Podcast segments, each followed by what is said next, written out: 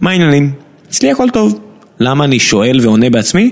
כי דורון עדיין באוסטריה. חופשה עם שני ילדים, אל תפתחו עיניים, זה נשמע לי יותר קשה מאשר לעשות פה את הפודקאסט הזה, משהו שאני עושה דווקא די בכיף, יהיה לנו אחלה פרק היום, אבל לפני שנדבר עליו, אני רק רוצה להזכיר לכם שגיקונומי כולל גם את הפודקאסט הנפלא שאתם מאזינים לו עכשיו, לא אובייקטיבי בכלל, אבל גם את הפודקאסט טיון שלוש שאני עושה עם יוני נמרודי, שהוא גם מעולה, בכלל לא אובייקטיבי גם שם, ועוד פודקאסט שאני בכלל לא אובייקטיבי לגביו, הוא הפודקאסט של תמר ומרינה הנפלאות, שלאחרונה מביאות מספרים נפלאים, מלא מאזינים חדשים, מציע לכם להצטרף לעגלה הזו.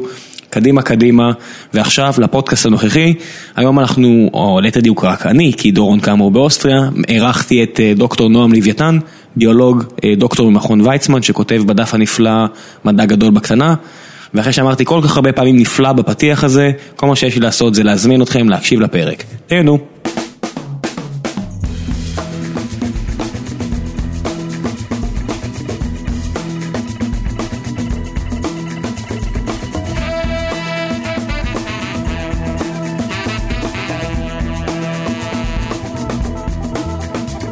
דוקטור לוויתן, נכון? ככה מציג אותך? נועם? נועם, אבל דוקטור לוויתן זה הרשמי, אז כן, נועם. איך איך בדרך כלל אתה מקבל את זה? נועם. נועם. בדרך כלל אה, אם היית מכחיש את הדוקטור. אם היית חייב להציג את עצמך איכשהו למאזינים שלנו, איך היינו מתחילים? אז הייתי אומר שאני נועם לוויתן, דוקטור לביולוגיה, אחד המנהלים של מדע גדול בקטנה בפייסבוק, יש לי בלוג בשם תיבת נועם שבו אני כותב באופן לא מפתיע בעיקר לביולוגיה, ואני עושה עוד כמה דברים שבטח נדבר עליהם בהמשך, עמותת מדעת, שזה לקידום בריאות הציבור, ועוד אה, דברים שונים. האמת שאנחנו לא ממהרים, ובדרך כלל רוב המאזינים שלנו יודעים שאג'נדה סדורה בדרך כלל אין לנו, אנחנו מלבד לקבל אה, שאלות מה... מה... עם כל הכובעים על ההתחלה. לא, בוא נתחיל עם אחד. אני, אני, דווקא זה נראה לי אחלה מקום להתחיל. מה, מה, מה הציבור לא יודע שהוא צריך לדעת? הבעיה זה מה אומרים לציבור, אז הוא חושב שהוא יודע, אבל הוא צריך לדעת שעובדים עליו. וואי, זה קצת זה כמו אינספשן, מה אני יודע שאני לא יודע שאמרו לי שאני אמור לדעת? כן, אז העמותה למשל, עמותת מדעת, אחד המקימים שלה, זה היה כמה חבר'ה, שאם אתה זוכר את המבצע שתי טיפות של הפוליו, שהיה ב-2013, מהמם. אני חושב, אז התחילו במבצע, ואז התחילו כל ה... אלה שייבאו את ההתנגדות לחיסונים מארצות הברית, להפיץ את הסיפורים שיש על זה שהחיסון מסוכן, או שבכלל חיסונים מסוכנים. אוטיזם. מהפוליו הם לא הלכו על אוטיזם, אני חושב, הם רק הלכו על שיתוק כמובן. שזה זה קצת, אה, זה כאילו בעצם אומרים, אל תעשו את החיסון, פן תקבלו את המחלה. כן, אל תעשו את החיסון כי אתה יכול, היית יכול למצוא מאותם אנשים שאומרים אל תעשו את החיסון כי הוא לא יעיל, אל תעשו את החיסון כי עושה לכם שיתוק, אל, תעשו, אל תעשו את החיסון כי אין בכלל פוליו, זה DDT. הבנתי. במצרים העתיקה שהיה פוליו זה בעצם ה-DDT. והנשיא האמריקאי ההוא, DDT? DDT, זאת אומרת כאילו רוזוולט אה, עבדו עליו. כן, הוא חשב שיש לו איזה נגיף, אבל זה היה DDT. תשמע, המוח האנושי באמת דבר מדהים, אתה יכול... לא להוציא מהקשרו. כן. אז רגע, אז- אז 2013 פוליו? אז- והתחילה פעילות בעיקר ברשתות החברתיות של המתנגדי חיסונים. במשרד הבריאות שעשה עבודת הסברה בדרך הישנה שהוא רגיל אליה, לא, לקח לו זמן שהוא למד להשתלט על המדיה החברתית. היינו כמה חברים גיקים שגם ככה אוהבים לתקן אנשים כשהם טועים. והתסמונת של XCD 386 שמישהו טועה באינטרנט. אז התחלנו להגיב כל אחד על אה, למה זה לא נכון והמחקרים מראים ככה והחיסון כן חשוב. בסוף התנגדנו ביחד לעמותה, זה לקח שנה לעמותה. בינתיים אה, מילאנו את הוואקום שהיה חסר של לתת לציבור הסבר בגובה העיניים על מה באמת ומה לא בקשר לחיסון פוליו, והיום בקשר לכל חיסון או טיפול רפואי. בהפלרה למשל. מבחינת אה, מה שרשמתם שם בעמותה זה משהו די רשמי, מה- מה מה מטרות העמותה הזו? הגרסה הלא רשמית של מטרות העמותה זה לתת מידע, מידע מהימן ונגיש בנושאי בריאות, בעיקר רפואה מונעת, אבל לא רק. כמו שאמרתי, התעסקנו גם בהפלרה קצת, כי התחילו כל הסיפורים על זה שהפלר- שפלואוריד זה רע. אתה הקול מאחורי אה, מסע ההפלרה של מדע גדול בקטנה? אה, כן. כן, אתה כאילו, אתה- מרים את היד ואומר, עליי חברים זה... יותר אה, שרואים הפלרה יודעים שעליך. רגע, אבל אתה יודע, ש- בדרך כלל בדברים האלה, זה לא מתמטיקה. הרי אני מניח שגם אצלך יש איפשהו איזשהו ספק בחלק מהדברים. אני מניח שחיסונים, הספק הזה מאוד מאוד מאוד קטן, גדול מאפס אבל קטן מאוד. חיסונים שהם לא חדשים, הספק הוא אפסי, כי זה נבדק כל כן. כך הרבה, זה- זה לא מאוד קטן, זה לא קיים. כן, אני אופתע מאוד כשיקרה. מאוד מאוד מאוד. כן. אוקיי, אבל הפלרה זה נושא שבכל זאת אתה כן שומע עליו לפחות חלק מגוון דעות שלפה ולשם, לא אני אשחק- קצת את ה-Devil Advocate ואני אנסה להכין לך, בוא תסביר כאילו למאזינים שלנו למי שלא... הבעיה בהפלרה קודם פלואוריד ברמות גבוהות הוא באמת מזיק, זה נכון. אבל גם מחסור בפלואוריד עושה איזשהו נזק, שכמו שאומרים, קודם כל אה, סיכוי יותר גדול לעששת, לא נשמע נורא, מדי פעם מתאשפזים מזה או קורים דברים נוראים יותר, זה די נדיר. וכשהאנושות התפתחה, רוב מקורות המים שלנו היו באזורים פלואוריד, זה חומר שהוא לא נחשב אה, חומר, ניקח זה לא כמו ויטמין, אבל זה עדיין חומר שאנחנו צריכים אותו בכמות מסוימת. איזשהו מינרל שנכנס לתוך המים בעצם, מי שתייה? כן, הוא בדרך כלל נמס מהקרקע. וזה משתנה גיאוגרפית, נגיד בצפון במים באופן טבעי כמעט אין אותו, בדרום יש עודף ממנו. נדבר צפון ודרום ישראל? כן, כן. כן. ואז מה? ככל שאתה מדרים גם, אה, נגיד באפריקה תמצא יותר ממנו במים. עכשיו כמו שאמרתי, נגיד באזור אילת וערבה זה יש עודף במים באופן טבעי. אז מה עושים, מנסים להוריד את זה? זהו, הפלרה זה לשמור על האיזון, שיהיה ברמה שהיא בריאה. אז באילת מוציאים את הפלואוריד, אמורים לפחות, ובצפון אמורים להוסיף. אז כמה זה מכעיס אותך, שאתה יודע, אפילו בדבר הכי פשוט, שהפלרה שזה בעצם רק לשמור על איזושהי רמה שנקבעה מראש כבתור אה, בריאה יותר או מסוכנת פחות וכו' וכו' וכו', ואתה שומע את כל האנשים שבטוחים שמכניסים להם אה, רע למי שתייה. כן, כי מראים להם נגיד מחקר שהראה בסין שהייתה ירידה ב-IQ ששתו מים מופלרים. שוכחים להגיד שהם מופלרים באופן טבעי לכמות גדולה פי עשרה אני חושב. מהכמות הרגילה, וירידה ב-IQ שם היא בתוך הסטיית תקן של ה-IQ, אז כנראה לא הייתה ירידה בכלל. IQ המאה זה הממוצע כביכול, אבל תקני זה פלוס מינוס 15. כן, כמו רוב ה... כן, אם אתה 90 או 85 אתה לא שונה בשום דבר מאדם עם 100. זה סטיית תקן אחת. כן, אז הייתה ירידה ב... אני חושב פחות מחמש, זה חמש נקודות, אבל אל תתפוס אותי במילה. זה לא משנה, כל עוד זה באותו תחום זה לא באמת משנה.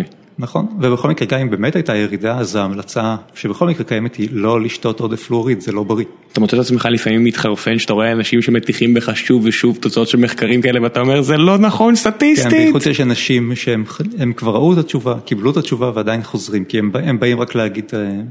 לפרוס את משנתם וללכת. יש לך כבר את המחקרים האלה שאם זורקים לכיוונך אתה אומר אה כן אני מפנה אותך לטיעון 2, 4, 12 ו-18 מפוסט כזה וכזה? כן, תום שדה שהוא גם בעמותה, הוא הכין פוסט נהדר על פלואוריד שסיכם את רוב הדברים שמתנגדים נוטים להגיד ואת ההפרכות שלהם עם המחקרים ואני עשיתי לא מזמן פוסט המשך שגם מכיל.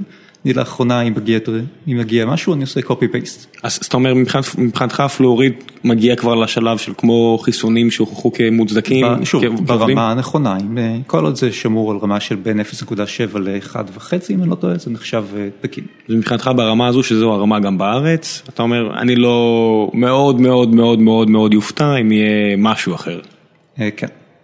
באיזה נושא למשל אתה מוצא את עצמך שאתה כן מציג טיעון ואתה אומר יש סיכוי שבעתיד אני אוכל את הכובע על הסיפור הזה. שבודקים אותם כבר עשרות שנים כמו החיסונים והפלואוריד ברור שלא אבל כמעט כל דבר שכתוב לך מחקר חדש גם אם הוא מאוד מגניב אז זה בדיוק ההפך אני מאוד מפקפק בתוצאות של מחקר אחד חדש. מה למשל? תן איזה דוגמה כאילו שהתייחסתם אליה אולי בדף או משהו כזה שאתה אומר אני לא בטוח. עכשיו אם יש איזה משהו שהעלינו לאחרונה על מחקר, יהיה מחקר, אני חושב, מחקר שנכתוב עליו עוד מעט בהקשר לכל ההיסטריה והמלח, יש עכשיו מחקר די יפה ומקיף שמראה שמלח תלוי למי נותנים אותו ותלוי בכמויות, הוא לא כזה, עודף נתרן הוא לא טוב. מלח שולחן. כן, כן, עודף נתרן זה לא דבר טוב, אבל כנראה הוא לא מפלצת כמו שעשו ממנו. רגע, עצור, עצור, עצור. להגנתי, לא קראתי את המחקר עדיין. אז מלח זה לא מפלצת? עודף נתרן זה מפלצת. אוקיי. ככל הנראה. כנראה לא כזו נוראית, וכמו זה כמו שצורי מהדפתן תמיד אומר על תזונה, תזונה מה שחשוב זה איזון, לא באמת משנה מה תאכל, איך תאכל, איזון, אל תיקח יותר מדי סוכר, כלומר תימנע מסוכר מוסף, אל תבלוס דברים שמלאים במלח, ומצבך יהיה טוב. בכל הנוגע לתזונה, אוקיי זה, זה, זה בכלל נראה לי, תזונה היא אגב לא התחום שלי, כן אבל... ברור, אבל אתה יודע, אתה ביולוג ואנשים מבחינתם כל עוד אתה לא לא יודע, מפוצץ אסטרואידים בסרט של, בסרט הוליוודי, מבחינתך יש לך איזושהי דעה על תזונה היום?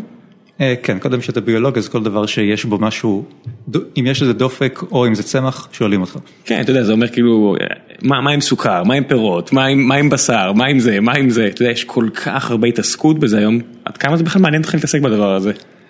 תלוי מי אומר את זה ולאן, אם סתם מישהו בא ושואל, מקבל את התשובה שצריך לשמור על איזון, אין שום דבר רע בטבחה, בשר, טבעונות, צמחונות, דגים, אפילו עם הכספית. אפילו עם הכספית. כן, שוב, הכל במידה. לא. לא צריך כספית, אבל אה, תאכל מעט דגים ולא יקרה לך שום דבר נורא. וכשמישהו, אתה יודע, מתחיל לשלב את זה בתוך איזשהו תלם נחפר מראש כזה של טבעונאות, שאתה אתה כבר מריח את זה מראש. אז בדרך כלל עולה איזה פיוז ומישהו כותב על זה משהו. שמה? אני- אה, בדרך כלל מסבירים ששוב מגזימים, שנגיד אה, טבע- טבעונות, אני לא טבעוני, והרבה, יש לך את הטבעונאים, שזה הם כאלה באים שלא צריך ב-12, שבשר זה, לא רק רצח אלא זה גם רעל, כל מיני דברים כאלה. זה בדרך כלל, אם זה באיזה פורום נידח לא מתייחסים לזה, אם שזה מגיע לעיתונות וזה מגיע מדי פעם, אז צריך להתייחס. מה לגבי למשל הטיעון שאמרנו טבעונות, אז בדרך כלל יש את הטיעון של אנשים שאומרים שעצם היותנו אדם מודרני, התפתחות מהקוף, יש את התיאוריות שאומרות שזה הגיע בגלל צריכה מוגברת של סוכר, חלבון מן הצומח, מן החי וכו' וכו' וכו' וכו'. שמה הגיע עצם ההתפתחות של המוח? כן. דווקא רוב התיאוריות מדברות על האש ובשר. או, אתה יודע, בדיוק זה מישהו שאל לגבי זה, על, על, על התיאוריה הזו של אש ובשר, תיאוריה זה מוגזם, השערה. השערה. אז עד כמה בכלל אנחנו בטוחים בדברים האלה? אה, אנחנו לא בטוחים, לכן זה השערה. אתה הרי אתה מתעסק, אתה כחלק מעבודת האקדמיה שלך, אתה מתעסק הרבה מן הסתם כביולוג גם באבולוציה, ו... אין לי כרגע, אני, יש לי תואר, אבל אני לא עוסק באקדמיה. אני? עוסק כרגע רק בכתיבה. אוקיי, ומה עשית באקדמיה לפני כן? הייתי במדעי הצמח בכלל. אוקיי, זה- בוא- בוא בוא תן לנו קצת איזה רקע עליך, אתה יודע, נדע על מה, על מה לשלוח את המאזינים. התואר השני והשלישי שלי היה במכון ויצמן, במכון הצמח, בדקתי תגובה של צמחים לסטרס, להכות. ספציפית תגובה ברמת הגנום, כי זה שינויים ב-DNA או בביטויים של גנים, או בעריכה של גנים. זה יותר מעניין כי גם גנום זה לא באמת משנה אם אתה מסתכל על אפונה או על עכבר, הגנום אה, מספיק קרוב. מבחינת רוב האנשים אתה עובר מאפונה לעכבר, אתה יכול לעלות עד למעלה עד שאתה מגיע לבני אדם, פה זה כבר... אה, כן, הרי עם בננה יש לנו 60 אחוז נגיד, תלוי איך מודדים, אבל יש לנו 60 אחוז שיתוף אה, של אה, DNA עם הבננה, אז קרוב מספיק. אתה אומר. אה, בסדר, אפשר להתקלף פה, זה לא פצצה מה מה גרם לך להפסיק עם זה? מה- למה עזבת את האקדמיה? אה, סיימתי, שקלתי אם אני רוצה להמשיך לאקדמיה ולעשות אה, דברים אחרים, ניסיתי כיוונים אחרים, אני כרגע בכיוונים האחרים האלה. מה, אקדמיה זה כיף אגב, אני מאוד אהבתי מחקר, זה לפתור חידות אה, באופן מתסכל, ארוך ולפעמים מעצבן, אבל זה מאוד כיף. מה שבר אותך סופית, כאילו, מבחינתך, אני- ברור ששום דבר לא סופי, אבל מה מה הוביל אותך בעצם? זה לא היה שבר, זה היה סתם לנסות משהו אחר. האקדמיה אני עקרונית מוכן לחזור גם עכשיו, אבל עוד, עוד לא מוכן זמנית. זאת אומרת, עדיין צריך קצת את ה... לנקות את הראש לפני? אה, כן, אולי זה יהיה ניקוי ראש לתמיד, כי אתה מכיר את הדברים האלה שאני זמנית עושה משהו ואז אתה תקוע בזה עד יום מותך, אבל כן, אנחנו סך הכל זמנית נמצאים פה על, על הכדור הזה, אז מבחינתנו זמני זה זמני. נכון. מה, מה, מה בנושא כמו שלך, שזה סטרס של צמחים, איזה... זהו, stress, stress הבעיה זה היקף משמעות, אבל בעברית המילה נוראית, עקה. לא, אני לא אשאר עם סטרס. זה, לא בדיוק נושאים, אני, מניח שיש איזשהו... זהו, אז מה זה סטרס בצמח? זה לדוגמה יובש עודף מלח בקרקע או קור או חום, זה נושאים שהם מאוד רלוונטיים, ומה היה השאלה. המחקרית שלך? אה, כמו כל דבר זה הצ'ופצ'יק של הקצה של המשהו, זה היה איך צמחים מגיבים, איזה שינויים בעריכת גנים יש לצמחים בתגובה לקור. אוקיי, זה לא כזה צ'ופצ'יק, אתה יודע, זה... זה, זה מאוד צ'ופצ'יק, זה לא נשמע כזה צ'ופצ'יק, אבל זה מאוד צ'ופצ'יק. אני חושב גם ביחס קודם. זה קור, בזמן שיש סטרסים אחרים, בארץ קור זה פחות בעיה, ועדיין, למשל. ועדיין, אתה יודע, יש, יש פה איזה לילה שניים באופן תדיר שאנחנו שומעים על איזה קרה שחיסלה יבולים שלמים מאיפשהו.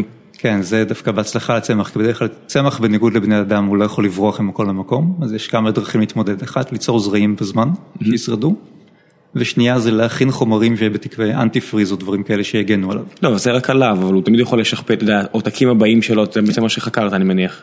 שיהיו יותר זה- מוכנים. זה תגובות של הצמח עצמו, של אותו אחד, לא של העותקים הבאים שלו. אה, אוקיי, ואיך, אפי ג'נטיקס? אה, זה סוג של אפיגנטיקה, אבל כאן זה עריכה גנים ביצורים כמו בני אדם או צמחים. אתה חייב להבין שרוב המאזינים פה לא בטוח מבינים, בוא בוא תפרק את זה קצת. כן, אני מפרק אה, כן. עכשיו, גנים, יש לנו רצף DNA, ברצף DNA שלנו, אני מתעלם מחיידקים כדי לא לסבך בכלל את העניין, ברצף DNA שלנו, של הצמחים, יש, זה רצף של אותיות שחלקם אפשר לתרגם לחלבון. DNA מאורגן מארבע אותיות, זה השפה שלו, כל שילוב של שלוש אותיות כאלה מקודד למשהו שנקרא חומצה אמינית אחת, שזה בעצם החרוזים שאיתם בונים חלבונים. זה אבני הלגו בעצם. זה, זה מה? זה אומר, זה אבני הלגו. אם ב... זה, כן, זה אבני הלגו של החלבונים. פחות או יותר. שכל ה... שכל מה כל. מה שאנחנו רואים ביצורים חיים, כמעט העור, הבשר, כן, אם, אם כל התוכנות שאנחנו משתמשים בהן כתובות משני אבני לגו מ-0 ו-1, אז סך הכל זה שיש כן, אצלנו זה ארבע... מקודד בארבע. זה מגניב, הרבה יותר זה- זה לא אפשרויות. מקודד בארבע, זה מקודד בשלוש, זה עם ארבע אותיות.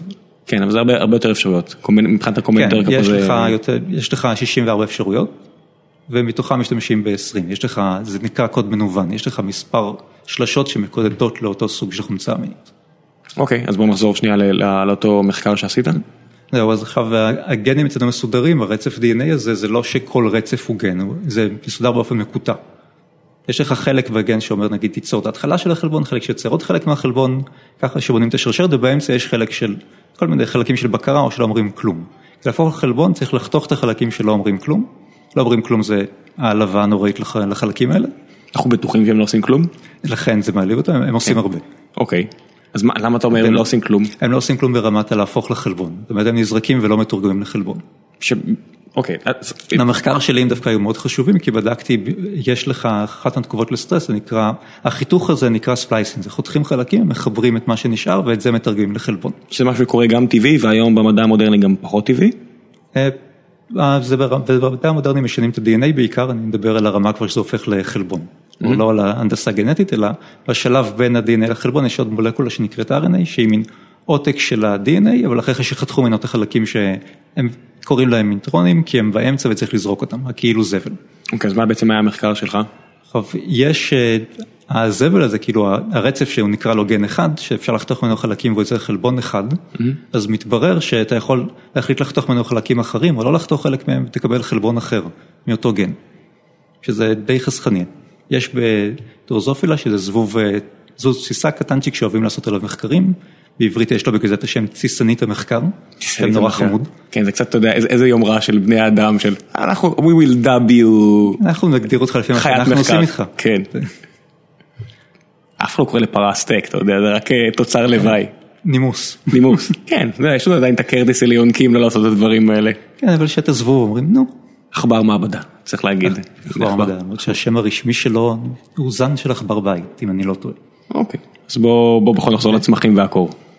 אז בזבוב יש נגיד גן אחד, שאם אתה אתה חותך ומחבר את הרציפים שלו באופן שונה, הפוטנציאלית הוא יוצר כמה אלפי אה, חלבונים. זאת אומרת, גן אחד יכול ליצור הרבה מאוד תוצרים.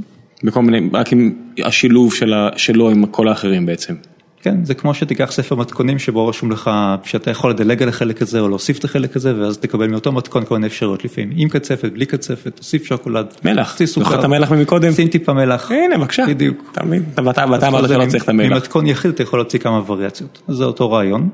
עכשיו בצמחים למשל, אחת מהתגובות לקור, שזה מה שבדקתי, זה לשנות את העריכה הזו, שיש גן שיש לו צורה אחת של צמח לא קר וצורה אחרת שכן. ו? מה היה השאלה? מה היה התשובה? אה, תן לנו איזה, לא, ארוך מדי לא קראתי על חמש שנים מחייך. האם זה קורה ומה זה עושה? אז מה שהגעתי זה שזה קורה ועדיין אני לא יודע אם יש לזה משמעות, אם זה באמת עוזר לצמח נגיד מבחינת עמידות לקור, מישהו אחר צריך להמשיך לבדוק את זה. יש לך איפשהו את התקווה הזאת שלא יודע, כמו הרבה חוקרים אחרים שפתאום העבודה הזאת תהיה בסיס לאיזה משהו עצום ופרקטי או אני לא יודע מה? אני בספק, כמו שאמרתי, זה צ'ופצ'יק, זה יכול להיות ההקדמה למשהו, קודם צריך לראות אם זה באמת משפיע על הצמח, ואם כן צריכו לראות איך אפשר לשלוט על זה, אם בכלל, אם רוצים לבני אדם, או אם, איך זה בודקים במחקר, אני עבדתי על צמח אחד, צמח קטנצ'יק שאתה רואה אותו בחוץ הוא עשב עלוב. אבל עבורך הוא היה כל עולמך לכמה שנים. אה, לצערי, כן, צמח נורא. זהו, אתה כבר רואה אותו כזה ברחוב, אתה יודע, I can't stand up look at you anymore. אני רואה אותו ברחוב, שהוא ברח, אבל אה, יש לו קרובי משפחה בארץ, אבל הוא עצמו, אם אני זוכר נכון, לא צומח כאן. אבל אה, בדרך כלל אם אתה רוצה לעשות משהו, כמו שאתה מבקש מלגות בבני אדם, אתה לכתוב לרפא סרטן, בצמחים זה לפתור את הרעב העולמי. באמת? זה הגליק? אתה לא יכול לרפא סרטן, אז לך לרעב. למה, למה אתה פוסל את הלרפא סרטן הזה? זה נראה לי אחלה. קודם כל יש מוויצמן מעבדה שדווקא בטיפול של צמחים לקחו איזה משהו מהצמחים ומשתמשים בזה היום כטיפול למלנום. אבל זה סייד נוט. זה קצת מבאס אותך שאתה חייב להיות פרקטי? אה, לא חייב להיות פרקטי, אבל בגרנטים נהוג לכתוב תמיד איזה משפט מפוצץ. אתה יודע, זה העניין של החייב. המחקר שלי היה בסיסי לחלוטין, וגם סתם סקרנות לראות מה קורה, איך קורה להסתכל על הגנים, על הביקורת של הגנים. יכול להיות שאם ימצאו את זה נגיד בחיטה, ויגלו שזה באמת עוזר להם עדות לקור, או ימצאו משהו דומה שעוזר להם עדות ליובש, אז שמישהו בעתיד יעשה חיטה עם יבול טוב יותר או מידה יותר. אבל תכלס, מחקר בסיסי. היה פה אורח בשם אה, יאיר אביב שדיבר בעצם על, על קנאביס הרבה, והוא אמר שיש שלקנאביס בעצם לצמח יש שלושה זנים, ואחד הזנים מעבר לאינדיקה ולסטיבה שהם המוכרים יותר, זה זן שלישי שהוא פחות מעניין, אבל יש לו באמת היכולות האלה של עמידות לקור, היכולת לפרוח ממעט אור, והשילוב שלו עם השניים האחרים, אז לך תדע, אולי הצמח שאתה חקרת, ימצא את דרכו לאיזה יבול הרבה יותר מוכר ומפורסם. אה, יכול להיות, כי המנגנון עצמו משותף לכולם, כמו שאמרתי כן. גם קודם, גם העריכה עצמה היא קיימת בבני אדם, יש לנו במוח גנים שעוברים עריכה שונה, יש לנו גנים שמתבטאים שונה עם תגובה לסטרס, בגרות מינית, כל מיני דברים כאלה. אז מנגנון שהוא אוניברסלי, אתה מוצא את זה בצמח, תמצא גן דומה בצמח אחר, אולי אפילו תמצא גן דומה בבני אדם. מה מבין הבעיות האלה, אתה יודע, אם פתאום מישהו יציע לך את. כמה כסף שאתה צריך, את המעבדה הכי טובה שיש, תחזיר אותך בריצה לאקדמיה, אתה יודע, כל אחת מהשאלות האלה בטוח... אה, יש דווקא, אני דווקא יותר אוהב את המדע הבסיסי, לא יותר לחפש את ה... ליצור אה, חיטה עמידה יותר או משהו כזה. לא, אפילו לא לחפש, איזה שאלה, איזה, איזה, פת... אתה יודע, איזה שאלה תחזיר אותך לאקדמיה כדי שתמצא את התשובה לה. יש הרבה שאלות, אבל התחביב, התחביב הלא סודי שלי בכלל זה דווקא טפילים בכלל. תחביב לא סודי שזה בכלל טפילים, אתה יודע, זה, בוא, בוא, בוא, בוא נתמקד בשנייה בסיפור הזה, מה... מה זאת אומרת התחביב הלא סודי שלך טפילים? בין החיות החביבות עליי, כי הן שולטות בכל העולם, זה טפילים. זה גם בעלי חיים, נגיפים שהם טפילים נהדרים, HIV שהוא טפיל מושלם. א' בוא נגדיר טפיל. בוא נגדיר טפיל. אוקיי. טפיל זה למעשה כל יצור שתלוי בחיים שלו ביצור אחר. למרות שכמה הצטוות היא לקרוא לנגיף חי, אבל תלוי ביכולת שלו להתרבות או בקיום שלו ביצור אחר. זאת אומרת, היכולת אה, להיות אוטונומי לגמרי בלי תלות ביצור חי אחר? אה, יש טפילים שיש להם שלבים, נגיד קרצייה נחשבת טפיל וגם יתוש, למרות שהם רוב הזמן חיים אה, בנפרד, הם צריכים רק דם בשביל להתרבות. אבל יש לך, פרעה שזה גם דוגמה לטפיל כזה. לך תולעי מעי, שזה דבר, נושא פחות נחמד לדבר עליו, שהם חייבים לחיות בתוך מעי של מישהו, אחרת הם לא שרדו. אבל אנחנו גם תלויים בהם קצת, לא? אה, בחיידקים כן. ובכל מיני טפילים. לא כל חיידק הוא טפיל, גם לא כל מי שחייב לחיות בך, התוספת הגדרה של טפיל זה שהוא גם מזיק. אה, אוקיי, אוקיי, זה אוקיי, היה חסר לי את זה. כן, מילה אחת קטנה שהייתה חסרה. אז למה דווקא את המזיקים? מה בא לך פתאום המזיקים האלה? הם עושים דברים נפלאים. רגע. יש לך... אמרת שהם מזיקים. אה, הם עושים דברים נפלאים שאתה מסתכל על זה מהצד, לא כשאתה אה. מאחסן אותם. כצופה אובייקטיבי אתה אומר. כצופה אובייקטיבי ששמח שהם לא אצלו. בלי צד בקרב אתה אומר זה ממש יופי של סיפור. אני טיפה באדם. כן. אוקיי. תיזהר, יוצאת איזה מגפה מרחובות, אתה יודע, אתה... ישר יחשדו בי. כן, ישר יחשדו בך קצת. למרות שאני חושב שאפשר להאשים את נס ציונה אם תצא מגפה מאזור רחובות. אה, לא מדברים על זה. אתה יודע, אתה... אתה מכיר את העניין הזה עם הסורק ונס ציונה עם השילוט, אני תמיד מת על השטות הזאת. כן, זה מאוד משעשע. השילוט שמופיע רק באנגלית ועברית ושכחו את הערבית. אה, מאוד מפתיע. כן, אם יצא משם אנחנו נפתיע את כולם. אף אחד לא יודע מה יש שם. לא, מה פתאום. חוקרים שפעת, לא? אה, קודם הם אה, לא יכולים להגיד את זה גם אם חוקרים שם שפעת, שפעת כן. זה נגיף, אתה יכול להשתמש בו להרבה דברים. כן, אני חושב שסוף מלחמת העולם הראשונה איפשהו קראתי ש... כן, השפעת הספרדית, שקראו לה ככה כי הם הראשונים שלא צנזרו את עיתונות וסיפרו על זה שיש שפעת. אז היא חיסלה הרבה מאוד אנשים. כן, תחשוב, אתה חי בתקופה שבה אתה מתעצבן על כתבות בוויינט, ופעם היה תקופות שאתה יודע, מתו 15 מיליון אנשים ואף אחד לא אמר כלום. כן, עד שזה הגיע למדינה שלא צנזרה דברים כי לא היה לה צד. אתה יודע, מישהו שאל אותנו, אחת השאלות שעלו מהמאזינים, בדרך כלל אנחנו מפרסמים את שם האורח שמגיע, ואז יש כזה מבול של שאלות, אנחנו בדרך כלל מנסים לשלב חלק מהם בשיחה, ואיזה מישהו רוצה שנשאל אותך, בעולם מושלם שבו אין את הוויינטים של העולם כשם קוד לכאלה. זה כבר עולם מושלם. לא, גילוי נאות, הם היו פעם שותפים עסקיים שלי ושל דורון, אז אנחנו לא... גילוי נאות, יש לנו גם כתבות נחמדות ואנחנו... מאה אחוז, אז אה, צריך להוציא את זה מחוץ למערכת, אבל אני אומר, בעולם מושלם שבו אין גופי תוכן עיקר העיסוק שלהם זה מן הסתם רדיפה אחרי הרייטינג ולא צריכים לפרסם את המחקרים האלה שמעצבנים אותך ואת חבריך על הדף הנפלא. זה יהיה באמת הרבה יותר כיף. על מה היית כותב? על טפילים? אה, טפילים, חרקים, אה, צמחים עמידים, יש מיליון דברים שעדיף לכתוב עליהם מלהעביר ביקורת. להעביר ביקורת זה מביא רייטינג, זה זה הרבה אנשים אוהבים לכעוס בייחוד על הגופים האלה, אבל זה לא באמת כיף. כן, אתה מוצא איזה מטרה קטנה, כאילו גדולה מדי? לא, אין מטרה, אין, זה לא במטרה לרייטינג, אבל תוצאה, נגיד תכתוב על איזה זחל מקסים שעושה משהו נפלא שמעניין מאוד אותך, תכתוב בצורה יפה, כתבתי על זה לא מזמן בפרופיל האישי שלי, זחל אה, חמוד כזה שמפריש מין ג'ל מוזר. שמה? בתור, הוא מפריש, צריך לראות תמונה שלו, הוא ממש חמוד, הוא נראה כמו פוקימון, איזה תכשיט מהלך. הנה זה כבר רייטינג, אמרת פוקימון בום, כבר קיבלת איזה כמה... קודם לכן שכנעת אותו להשתמש במילה פוקימון, בכותרת, כי זה מושך קוראים. אין מה לעשות, אתה גם חלק מהמשחק.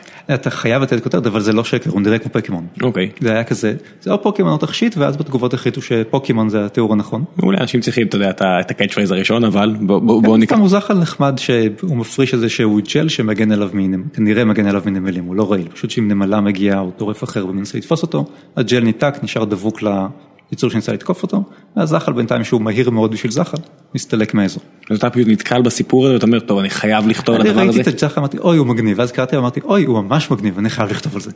ו? כתבתי על זה. זה פשוט זה, אז אם לא היה, אם לא היה את כל אלה שולחים, תראה מה איקס כתב על החיסון הזה, הטיפול הזה, תראה מה אמרו שאוכל עושה, זה היה עושה את החיים להרבה יותר כיפים. היית מעדיף למשל שהדיון הציבורי במקום הדברים האלה נגיד יהיה למשל יותר בעיות פתוחות, יותר כמו נגיד היעלמות הדבורים. כנראה לא, נכון, לא קיימת ולא נכונה, אבל... או, או, מה, רגע, רגע, כנראה. רגע, מה, מה? הסינדרום הזה של היעלמות דבורים הוא היה למרות שדבורים נעלמ, נעלמות, זאת אומרת מתות וחוזרות כל הזמן, בתקופתיות. אחוזים די גדולים מתים כל חורף, מתות כל חורף. רגע, למי שלא מכיר מבין המאזינים, יש איזושהי כבר, לא יודע מה, כבר 20-30 שנה יש אה, שיח על זה? כנראה בשנים האחרונות יש עלייה בדבורים, זה בארצות הברית אה, היה משהו שקראו לו סינדרום הכוורת הנעלמת, אני לא זוכר את השם המדויק, CCD קראו לזה. שבעצם דיברו על כך שהדבורים בעולם הולכות ונעלמות. שהדבורים ייעלמו, כי באמת אחוזים גדולים של כוורות בארצות הברית פשוט התרוקנו, נשארו שם מלכה וכמה עובדות צעירות ולא היה גופות באזור ופשוט נעלמו, זה ההגדרה של הסיפור. מה זה אקס פיילס, הסיפור הזה קיים, אתה יודע, בתור קונספירציות. השתמשו בו בדוקטור הו לאחד הפרקים, לעונה, לא לפרק אפילו. כן, אתה יודע, כל חובבי מדע בדיוני יודעים שהיעלמות דבורים זו עובדה מוכחת, זה קורה, בוא... יודעים שהדוקטור גם פתר את זה, אז אין היעלמות.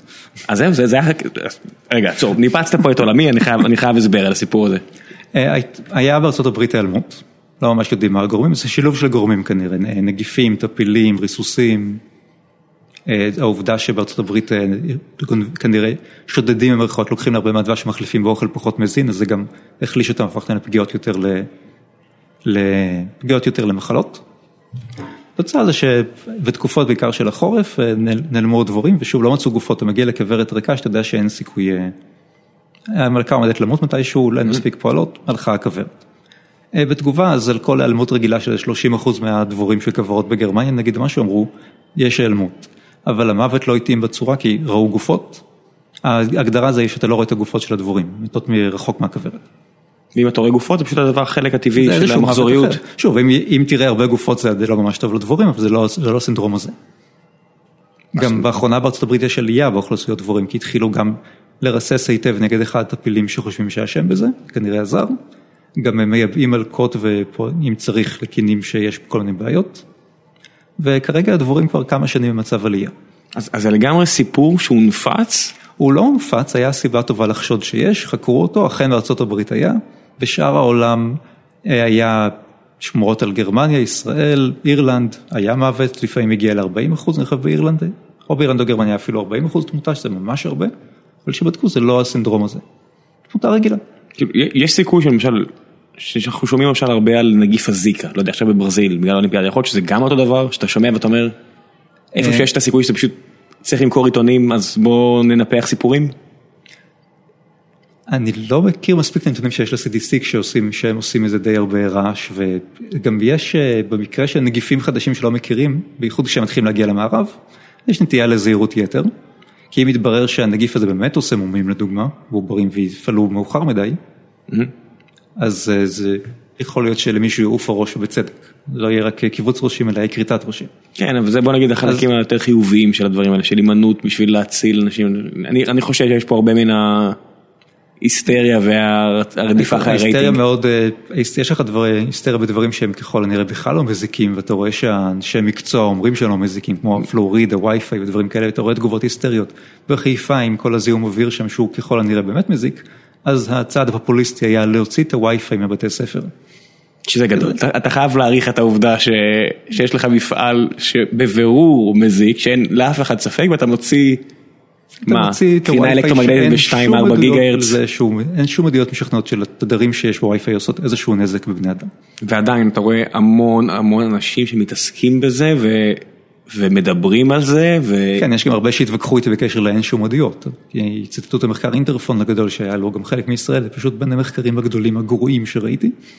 ולא רק אני. שמה? הוא עשוי בצורה שמאוד קשה להסיק ממנה מסקנות. גם קודם כל בהרבה חלקים של המחקר לא רואים נזקים. נגיד אחרי שההוא וה-ARC שזה הארגון של הוא שאחראי לצאת עם ההכרזות של קפה חשוד כמסרטן, קפה לא חשוד כמסרטן, בשר מסרטן, בשר לא מסרטן וכולי. רגע עצור עצור, טוב תכף נעזור לזה, תמשיך. אז אותו ארגון אפילו אחרי שהוא סרק את כל הדברים האלה, ההכרזה שלו בסוף אחרי שקוראים שאולי יש סיכוי לזה, צריך להיזהר, שורה סופית זה, אין שעדויות לזה שווי-פיי מזיק. אפילו הארגון עם הנטייה שלו לאזהרות, שם את זה כחשוד כמסרטן, שבתרגום לעברית זה אומר, אין לנו מושג, זה כנראה לא. רוב הדברים חשודים כמסרטנים, לא? אה, חוץ מחומר אחד. שזה? יש לנו חומר אחד שאני לא זוכר את השם שלו, שהוא די רעיל קלות, לא מומלץ, יש לו, לא זוכר את השם, אני לא, לא אנסה להגיד אפילו. אה, הרבה חומרים שמוגדרים כי אנחנו לא יודעים.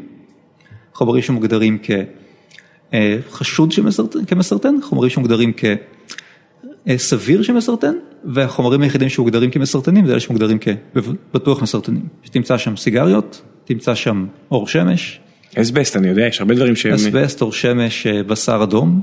כן, זהו, בשר אדום נכנס לקטגוריה הסופית? הוא בשר, סליחה, בשר אדום הוא חשוד, בשר מעושן הוא בקטגוריה הסופית. וואלה. הוא חשוד כי פשוט אין שום עדויות משכנעות ואתה צריך מאוד להתאמץ כדי לחשוד בו. במה? בבס... בבשר אדום. בשר אדום. כן. אבל בשר מעושן... בשר מעושן יש עדויות, אבל זה... הבעיה בקטגוריה הזו זה שאין את הרמות סיכון. זה שיש שם גם סיגריות כמו הכותרות שהיו בעיתונים, בשר מעושן מסרטן כמו סיגריות, לא. הוא באותה קטגוריה כמו סיגריות. לא הגיע הזמן לפצל לכמה קטגוריות? מסרטן ממש, מסרטן בקצת? זה לא התפקיד שלהם וזה הבעיה, העיתונאים בדרך כלל לא מבינים מה הדירוג של ה-ARC אומר וה-ARC לא מתאמצים להסביר את כמו שצריך, חוץ מהשנה אחרי שהם חטפו על הראש אחרי כמה כותרות. שמה זה היה? עם הבשר. עם הבשר. ואז הם הוציאו מין אה, אה, FAQ כזה של... תראו, לזה אנחנו מתקדמים, אנחנו לא אומרים כלום על הסכנה. אבל אז זה נראה כמו קונספירציה אחת גדולה, אתה יודע. כן, הנה, באמת היה כותרות, אני חושב שזה היה ידיעות אחרונות שלא רצו להודות בטעות שלהם, אז היה להם כותרת שה-IRC שינה את דעתו. לא, הוא פשוט הסביר מה הוא אמר. זה בטח נורא מתסכל מהצד שלך לראות את הדברים האלה, אה? כן, זה היה סוג של משעשע פלוס מתסכל. עד כמה נראה לך, אתה יודע, זה שיש לכם את העמותה זה טוב ויפה, ואתם עושים עבודה מעולה. אני רואה את זה מהצד, ואת הדף פייסבוק מן הסתם אני רואה מהצד לא מעט וזה אחלה. עד כמה נראה לך שחסר התערבות של הרגולטור בדברים האלה? הרגולטור צריך להתערב בזה ממש. אבל לא יזיק אם העיתונאים עצמם, התקופי תקשורת, כמו שהם לוקחים יועץ לשוני, ידעו שכשהם באים לדבר על מדע, הם לא מבינים בזה, שיקחו יועץ מדעי. זה יקטין מאוד את ה... הנה, עכשיו אמרת משהו שהוא יחסית פוליטי שאני נראה לי שווה קצת להתייחס אליו, שאתה אומר שהרגולטור זה לא התפקיד שלו, ואני אומר, הרי הרגולטור, אם זה ה-FDA בארצות הברית או כל מיני כאלה, הוא נותן תוויות, אתה לא יכול להגיד שמשהו תרופה, אלא אם כן הוא עבר א', ב' וג', או ד', או ה' או ו', אני לא יודע מה.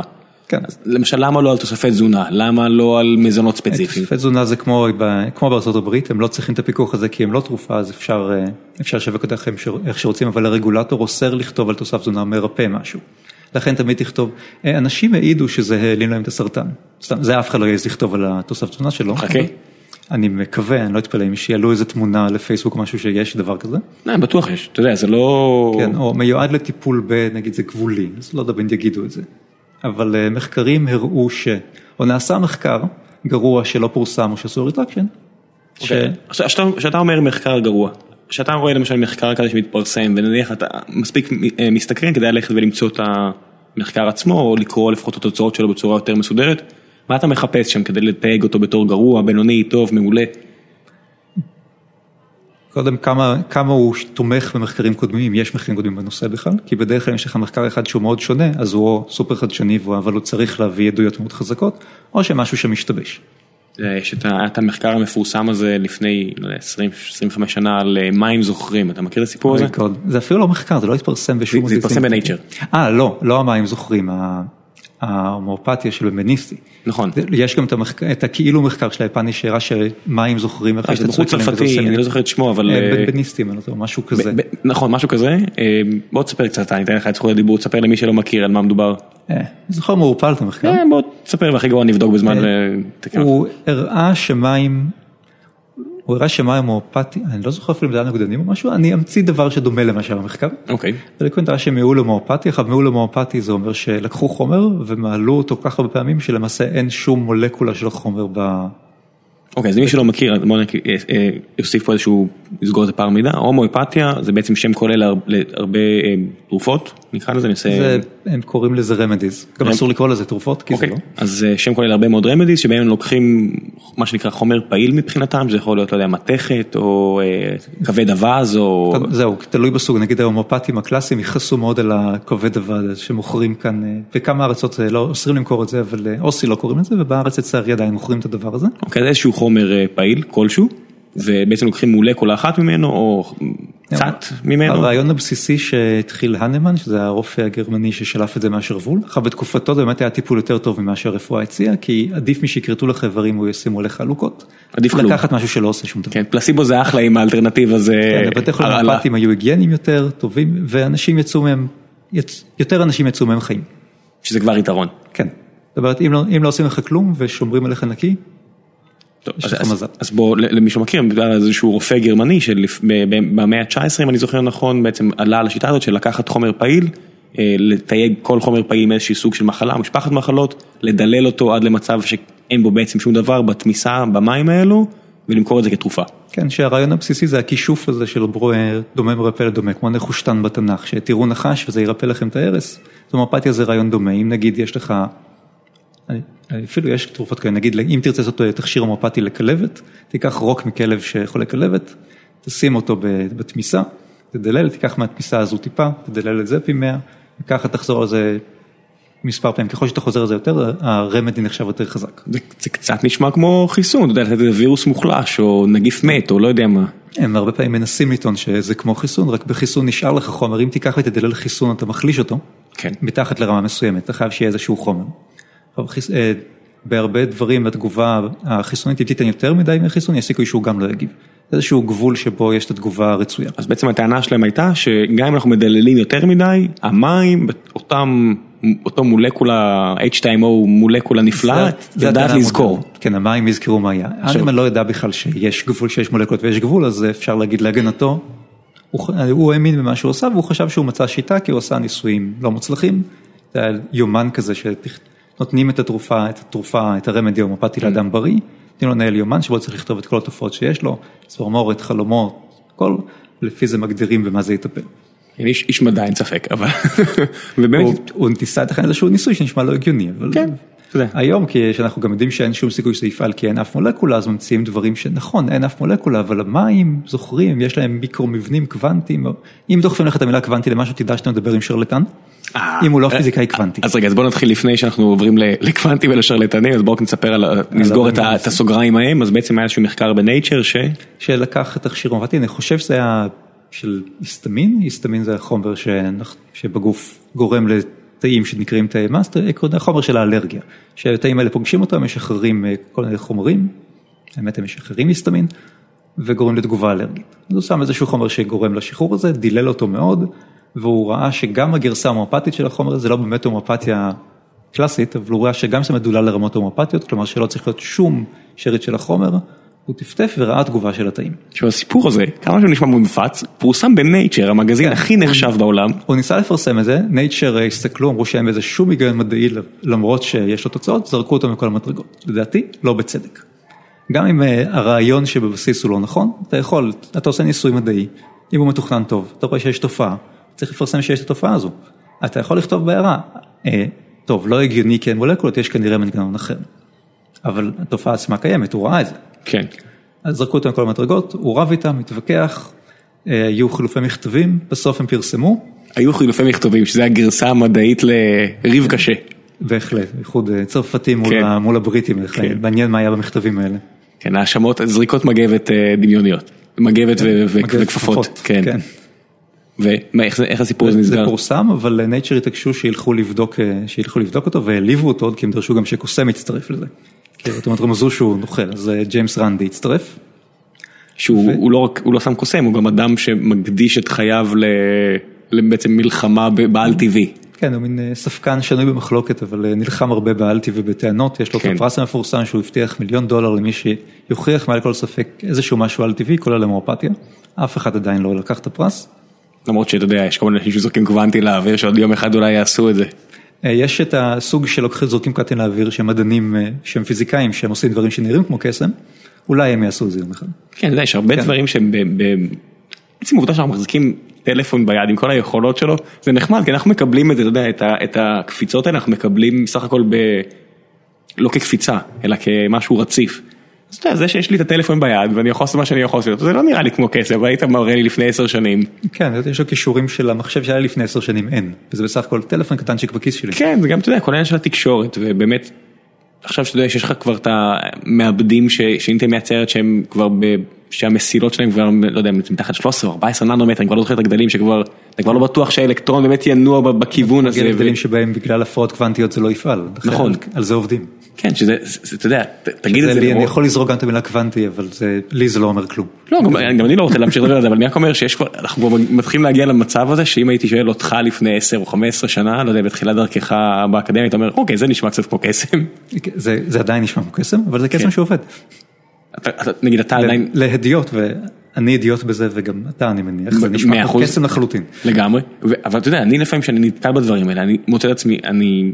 לא יודע מה להגיד לך, יש הרבה תופעות פיזיקליות שמסבירים אותם כהלכה, כל הניסויים המפורסמים של תחילת המאה הזו. ו... זה בדיוק החלק שזה עובד, אבל זה לא נראה הגיוני. כן, זה, ב, זה בדיוק, זה ביולוגיה, או אתה יודע, עוד איכשהו אני מרגיש יותר בטוח כשאני קורא עליה? כשקוראים עליה, במציאות ביולוגיה זה מערכת מאוד מלוכלכת באופן לא מפתיע, אתה... שמה, בוא תן לי איזה ככה... אתה חוזר על אותו ניסוי, אותם תנאים, אבל זה מערכות ביולוגיות, יצורים חיים, אין אף פעם אותם תנאים, אתה קבל דברים שונים, לכן, חוז... לכן חובה לחזור. צריך חזרות, לבדוק, וכמו כל דבר במדע, סטטיסטיקה. כן, אבל אין, יש משהו שהוא, אתה יודע, לא, לא מוחלט בביולוגיה? שאתה... יש לך הרבה דברים שנראו מזורים עד שגילו את הקוונטים, נגיד הדרך שבה ה-DNA מתקפל בצורה מאוד יעילה, שהוא מצליח למצוא איזה גן בדיוק להפעיל מתוך ה-DNA. זה דברים שהם נראים מאוד מסובכים, איך מולקולה... בוא תרחיב שנייה על הסיפור הזה, מה הכוונה, מה אמרת פה עכשיו? שוב, כאן אתה צריך את הקוונטים, פחות את ה... אוקיי, בוא תן לי את הבעיה הביולוגית ואז נדבר שנייה על הפתרון. DNA זה מולקולה ענקית, שארוזה בתוך תא מאוד מאוד מאוד קטן, ושנגיד צריך להכין חולבון, צריך למצוא את הגן הנכון בתוך ה-DNA, לפתוח שם איזו אריזה שמכסה אותו ולקרוא את זה. כל זה נשמע מאוד פשוט ונחמד, כי תמיד מדמים את זה לספר, מתכונים או למשהו, אבל יש לך מולקולה שמבחינתה היא פיצית ובתא ענק, שצריכה להגיע למקום הנכון במהירות סבירה. מה זה אומר להגיע? זה פיזית הגעה? היא צריכה פיזית לעמוד ולהיקשר לנקודה ספציפית ב-DNA. אז נגיד, איך היא עושה את זה ואיך היא מצאו את זה, לא ידעו הרבה שנים, גם היום לא יודעים הכל. איך למרות הקיפול נפתח חלק האזור, עכשיו בזכות הפיתוחים בפיזיקה, זה מה שיפה גם במדע, אין לך. יש לך פיזיקאים, ביולוגים אחרים, אבל הכל, הכל מתערבב והכל, בייחוד ככל שלומדים יותר. במקום כמו מכון ויצמן זה, זה מורגש יותר? שיש לך כל כך הרבה מוחות מה, מה top כן, של ה top של כל התחומים? יש לך הרבה מעברים ממקום למקום, מישהו שהוא היה פיזיקאי ואחר פרופסור בכלל בפקולטה ביולוגית, ומעודדים את זה בכל העולם, את השילובים האלה. את הקרוס דיסציפלינה? כן, זה, זה מאוד חשוב, אם את, כי שוב, אם ביולוגים היו נשארים ביולוגיה, כנראה היה לוקח הרבה זמן אם בכלל היו מבינים מה קורה בננו, ברמה הפיזית בגרעין. אתה, אתה רואה איזשהו עתיד שבו, לפחות בכל הנוגע לאקדמיה, כבר התמוססות לגמרי של החלוקה ל... אתה יודע מה, סוגים של מדע? שנחזור בעצם כמו שהיה פעם? אתה צריך לבנות את הבסיס על סוגים, כי יש יותר מדי ידע.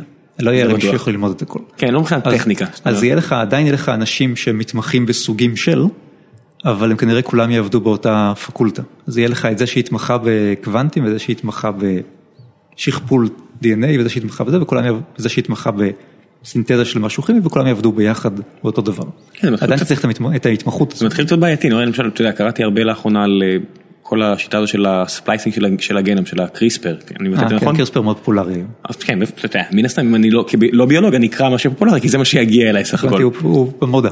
כן, הוא במודה לגמרי, בואו ניתן גם תכף לדבר על זה, כי נראה לי נושא סופר מעניין, אבל אתה יודע, אני מסתכל על זה, אני אומר, כמות הידע הנדרשת כדי לתת איזשהו אפקט, כדי לעשות איזושהי השפעה בתחום הזה, זה לא, זה כבר לא בן אדם אחד, אתה יודע, אתה צריך את טובי מדעני המחשב, וטובי ביולוגים, וכימאים, וקצת פיזיקאים, וביוכימאים, אני לא יודע, זה כבר, זה, זה באמת כבר...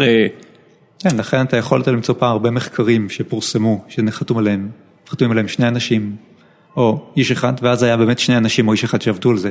היום אתה לא תראה כזה, או אם אתה רואה איש אחד, תגלה שהוא כנראה פשוט לא נתן קרדיט להרבה עובדים שחורים. חזיר קרדיט.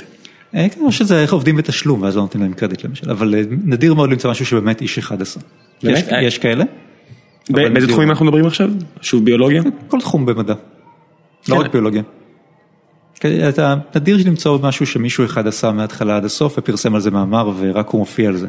אתה תצטרך גם אה, במחקר הכי פשוט, אתה תצטרך נגיד, אתה רוצה לרצף את הגנום, אז זה לא אתה תעשה את זה, מישהו אחר יעשה. אה, לא, לא כל ביולוג רטוב, שנקרא לזה שעובד עם התאים, ידע איך לקרוא את הרצף שהוא קיבל, כי זה כבר מחשבים. פשוט ברגע שזה נתונים זה לא משנה באמת מה. יש לך את האיש שיודע באינפורמטיקה או שיודע את הביולוגיה הממוחשבת. זה מלא תחומים. או אתה רוצה לחקור את הביטוי של הגנים, אז יש לך את הרמות של ה... אתה יכול לבחור במה להתמקד. ברמות של הדאטה, של המחשבים, mm-hmm. ברמות של המולקולות שמעורבות, ברמות של הפיזיקה שמעורבת בזה. אז בכל דבר כזה אתה יכול למצוא הרבה מאוד אנשים ומעט, אני לא חושב שיש תחום שבאמת תוכל למצוא אדם אחד שמבין בו מספיק לחקור לבד הכל. אז איך זה עובד? למשל מישהו יושב בוויצמן או סטנפורד, או לא יודע, כל המקומות האלה שבאמת יש ריכוז של הרבה מוחות טובים, אז מה אתה אומר, יש לי עכשיו את הבעיה הזאת, עכשיו אתה הולך לדוג אה, מומחה דאטה? כן, אתה שואל את השאלת מחקר שמעניינת אותך, ואז אתה מתחיל לדוג את האנשים שיעשו כל חלק שצריך למצוא את התשובה לזה. כן, אבל אני מדבר ביום יום, בעבודה עצמה, אם אתה צריך לנתח דאטה ואתה, אין לך את הניסיון הזה. יש לך בהרבה מקומות facilities של האוניברסיטה עצמה, שאנשים שעובדים, נגיד, אתה רוצה למפות את הגנום, אתה אוסף אותו, שולח בדואר או הולך פיזית, מגיש למישהו, מקבל אחרי יום, יומיים, שבוע, תלוי בטכנולוגיה. ומה זה משאיר למקומות שהם לא המפלצות ידע האלה, מבחינת מוסדות? זה, אתה יכול ללכת לכיוון השני של ה-do it yourself biology, אתה שמעת על זה? לא, בוא תספר לי קצת על זה. מנהג בארץ, אני לא יודע אם הסצנה הזו קיימת, בארצות הברית יש, זה אנשים שעושים כמו שפעם היה את ההאקרים של המחשבים שבמוסך שלהם בנו לך מחשב והיום הם... עדיין יש. או מתים כי הם טיפשים ולא לקחו, לקחו טיפול רפואי, או חיים ותורמים לכל מיני עמותות, שזה ביל גייטס וסטיב ג'ונס. כן, סטיב ג'ובס. ג'ובס, כן. ג'ונס, כן, כן. סטיב ג'ובס. בסוף הביולוגיה הכריעה גם אותו. יותר זה, כן, הביולוגיה והעובדה שהוא בחר בדברים אחרים במקום לטפל. קטונתי, אני לא יודע, כשאתה מסתכל על... היה לו משהו קטלני, אבל כנראה אם מטפל הוא היה, הוא עדיין היה איתנו. הוא היה מת מזה בסוף, יותר מאוחר. כולם צריכים למות מתישהו. כן, אבל אני חושב שרוב מעדיפים למות כמה שיותר מאוחר. כן, אני מניח שזו הנחה, זה איזושהי אקסיומה לגבי יצורים חיים. באופן כללי הם יעדיפו למות כמה שיותר מאוחר. יכול להיות... ויעשו הכל בשביל זה. כן, זה כבר נתון לפרשנות, יעשו הכל, אבל כן, זה כבר, אתה יודע, פרשנות מעבר.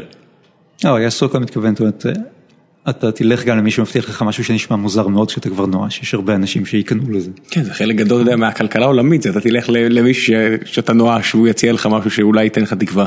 כן, תקווה זה משהו מאוד כלכלי. אז מה, בביולוגיה של do it yourself at home, מה... אז בארצות הברית יש לך את ההאקרים האלה שהם יכולים, בייחוד שיש קריספר עכשיו. הם יכולים להזמין להם... רגע, אז אתה תסביר שנייה קריספר, למי שלא מכיר. קריספר זה שיטת הנדסה גנטית, אפילו עריכת גנים, כי אם תסתכל על הרגולציה של הנדסה גנטית בחו"ל זה לא, זה לא נחשב. אז נגיד מזון שעושים בקריספר נכנס לשוק בלי שום רגולציה מיוחדת. לא צריך את התו הזה של GMO? לא, כי הוא, הוא לא GMO איך שהגדירו ברגולציה. התו של GMO זה גם דבר דבילי לחלוטין בעיניי, אבל זה חכה, עוד, עוד מעט נחזור. חכה, חכה, בוא, כן. צריכים לסגור סוגריים. עוד מעט נחזור לזה, כן. יש לנו כבר יותר מדי סוגריים כאן. כן, כן, אני, אני רושם לעצמי פה, אנחנו נחזור. כן. אז הקריספר זה שיטה, היא מבוססת על, מש... על מערכת חיסון של חיידקים נגד נגיפים, אפרופו טפילים, שנגיף מדביק חיידק, אז הנגיף זה בעצם איזשהו חומר גנטי, DNA לדוגמה, שנכנס לחיידק ומשעבד את החיידק לצרכים שלו, שהם ליצור עוד עותקים של הנגיף. גילו שיש לחיידק מערכת שיודעת לקחת את ה-DNA הזה של הנגיף, לקרוא ממנו איזה רצף, ואז פעם הבאה שהחיידק פוגש נגיף כזה, הוא מזהה אותו ויש לו מערכת קריספר שחותכת את ה-DNA. בוודאות של מה, 100%? שום דבר לא עובד ב-100%, אבל מגן על החיידק מספיק טוב. כאילו אני יכול לתת לו סט הוראות, איזשהו אלגוריתם של לעצב את הסיפור הזה כמו שאני רוצה, וזה יקרה. כן, כאילו אם תחליף את הרצף של הנגיף, שעכשיו שמור בתוך החיידק בתור מין סוג של זיכרון חיסוני, שאומר לו ראיתי את הרצף הזה, רוץ לחתוך אותו, אתה יכול להחליף את זה ברצף של גן או חלק אחר ב-DNA שאתה רוצה לחתוך, ואז הקריספר מזהה את הרצף הזה, הולך ל-DNA, חותך אותו, וה-DNA לא אוהב להיות חתוך, יש מנגנוני תיקון, ברגע שהוא חתוך הוא מחבר את שתי הקצוות שלו. ויש לך שוב DNA שלם, רק בלי הרצף שנחתך. זו בעצם שיטה מדעית שמאפשרת אה, לבני אדם לכתוב מחדש או לרצף מחדש חלקים ב-DNA באמצעות אותם... אותם אה, חלבונים, חלבונים ורצפים אה, שהמקור שלהם הוא הועתק מחידקים. אם אתה רוצה למי לתת את הפטנט של קריספר, החידקים מגיע.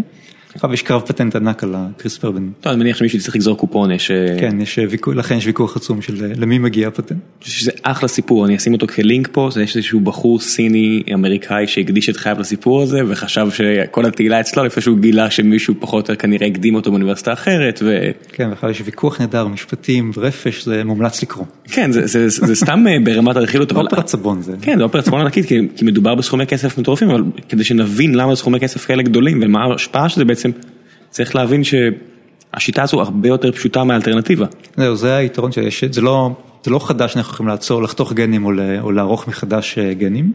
מה שחדש בקריספר זה שהוא הרבה יותר זול מהשיטות האחרות, וקל יותר להתאים אותו, כי אתה רק צריך אה, להתאים את הרצף, קל יותר לדאוג שהוא יעבוד נגיד אה, באורגניזמים שונים.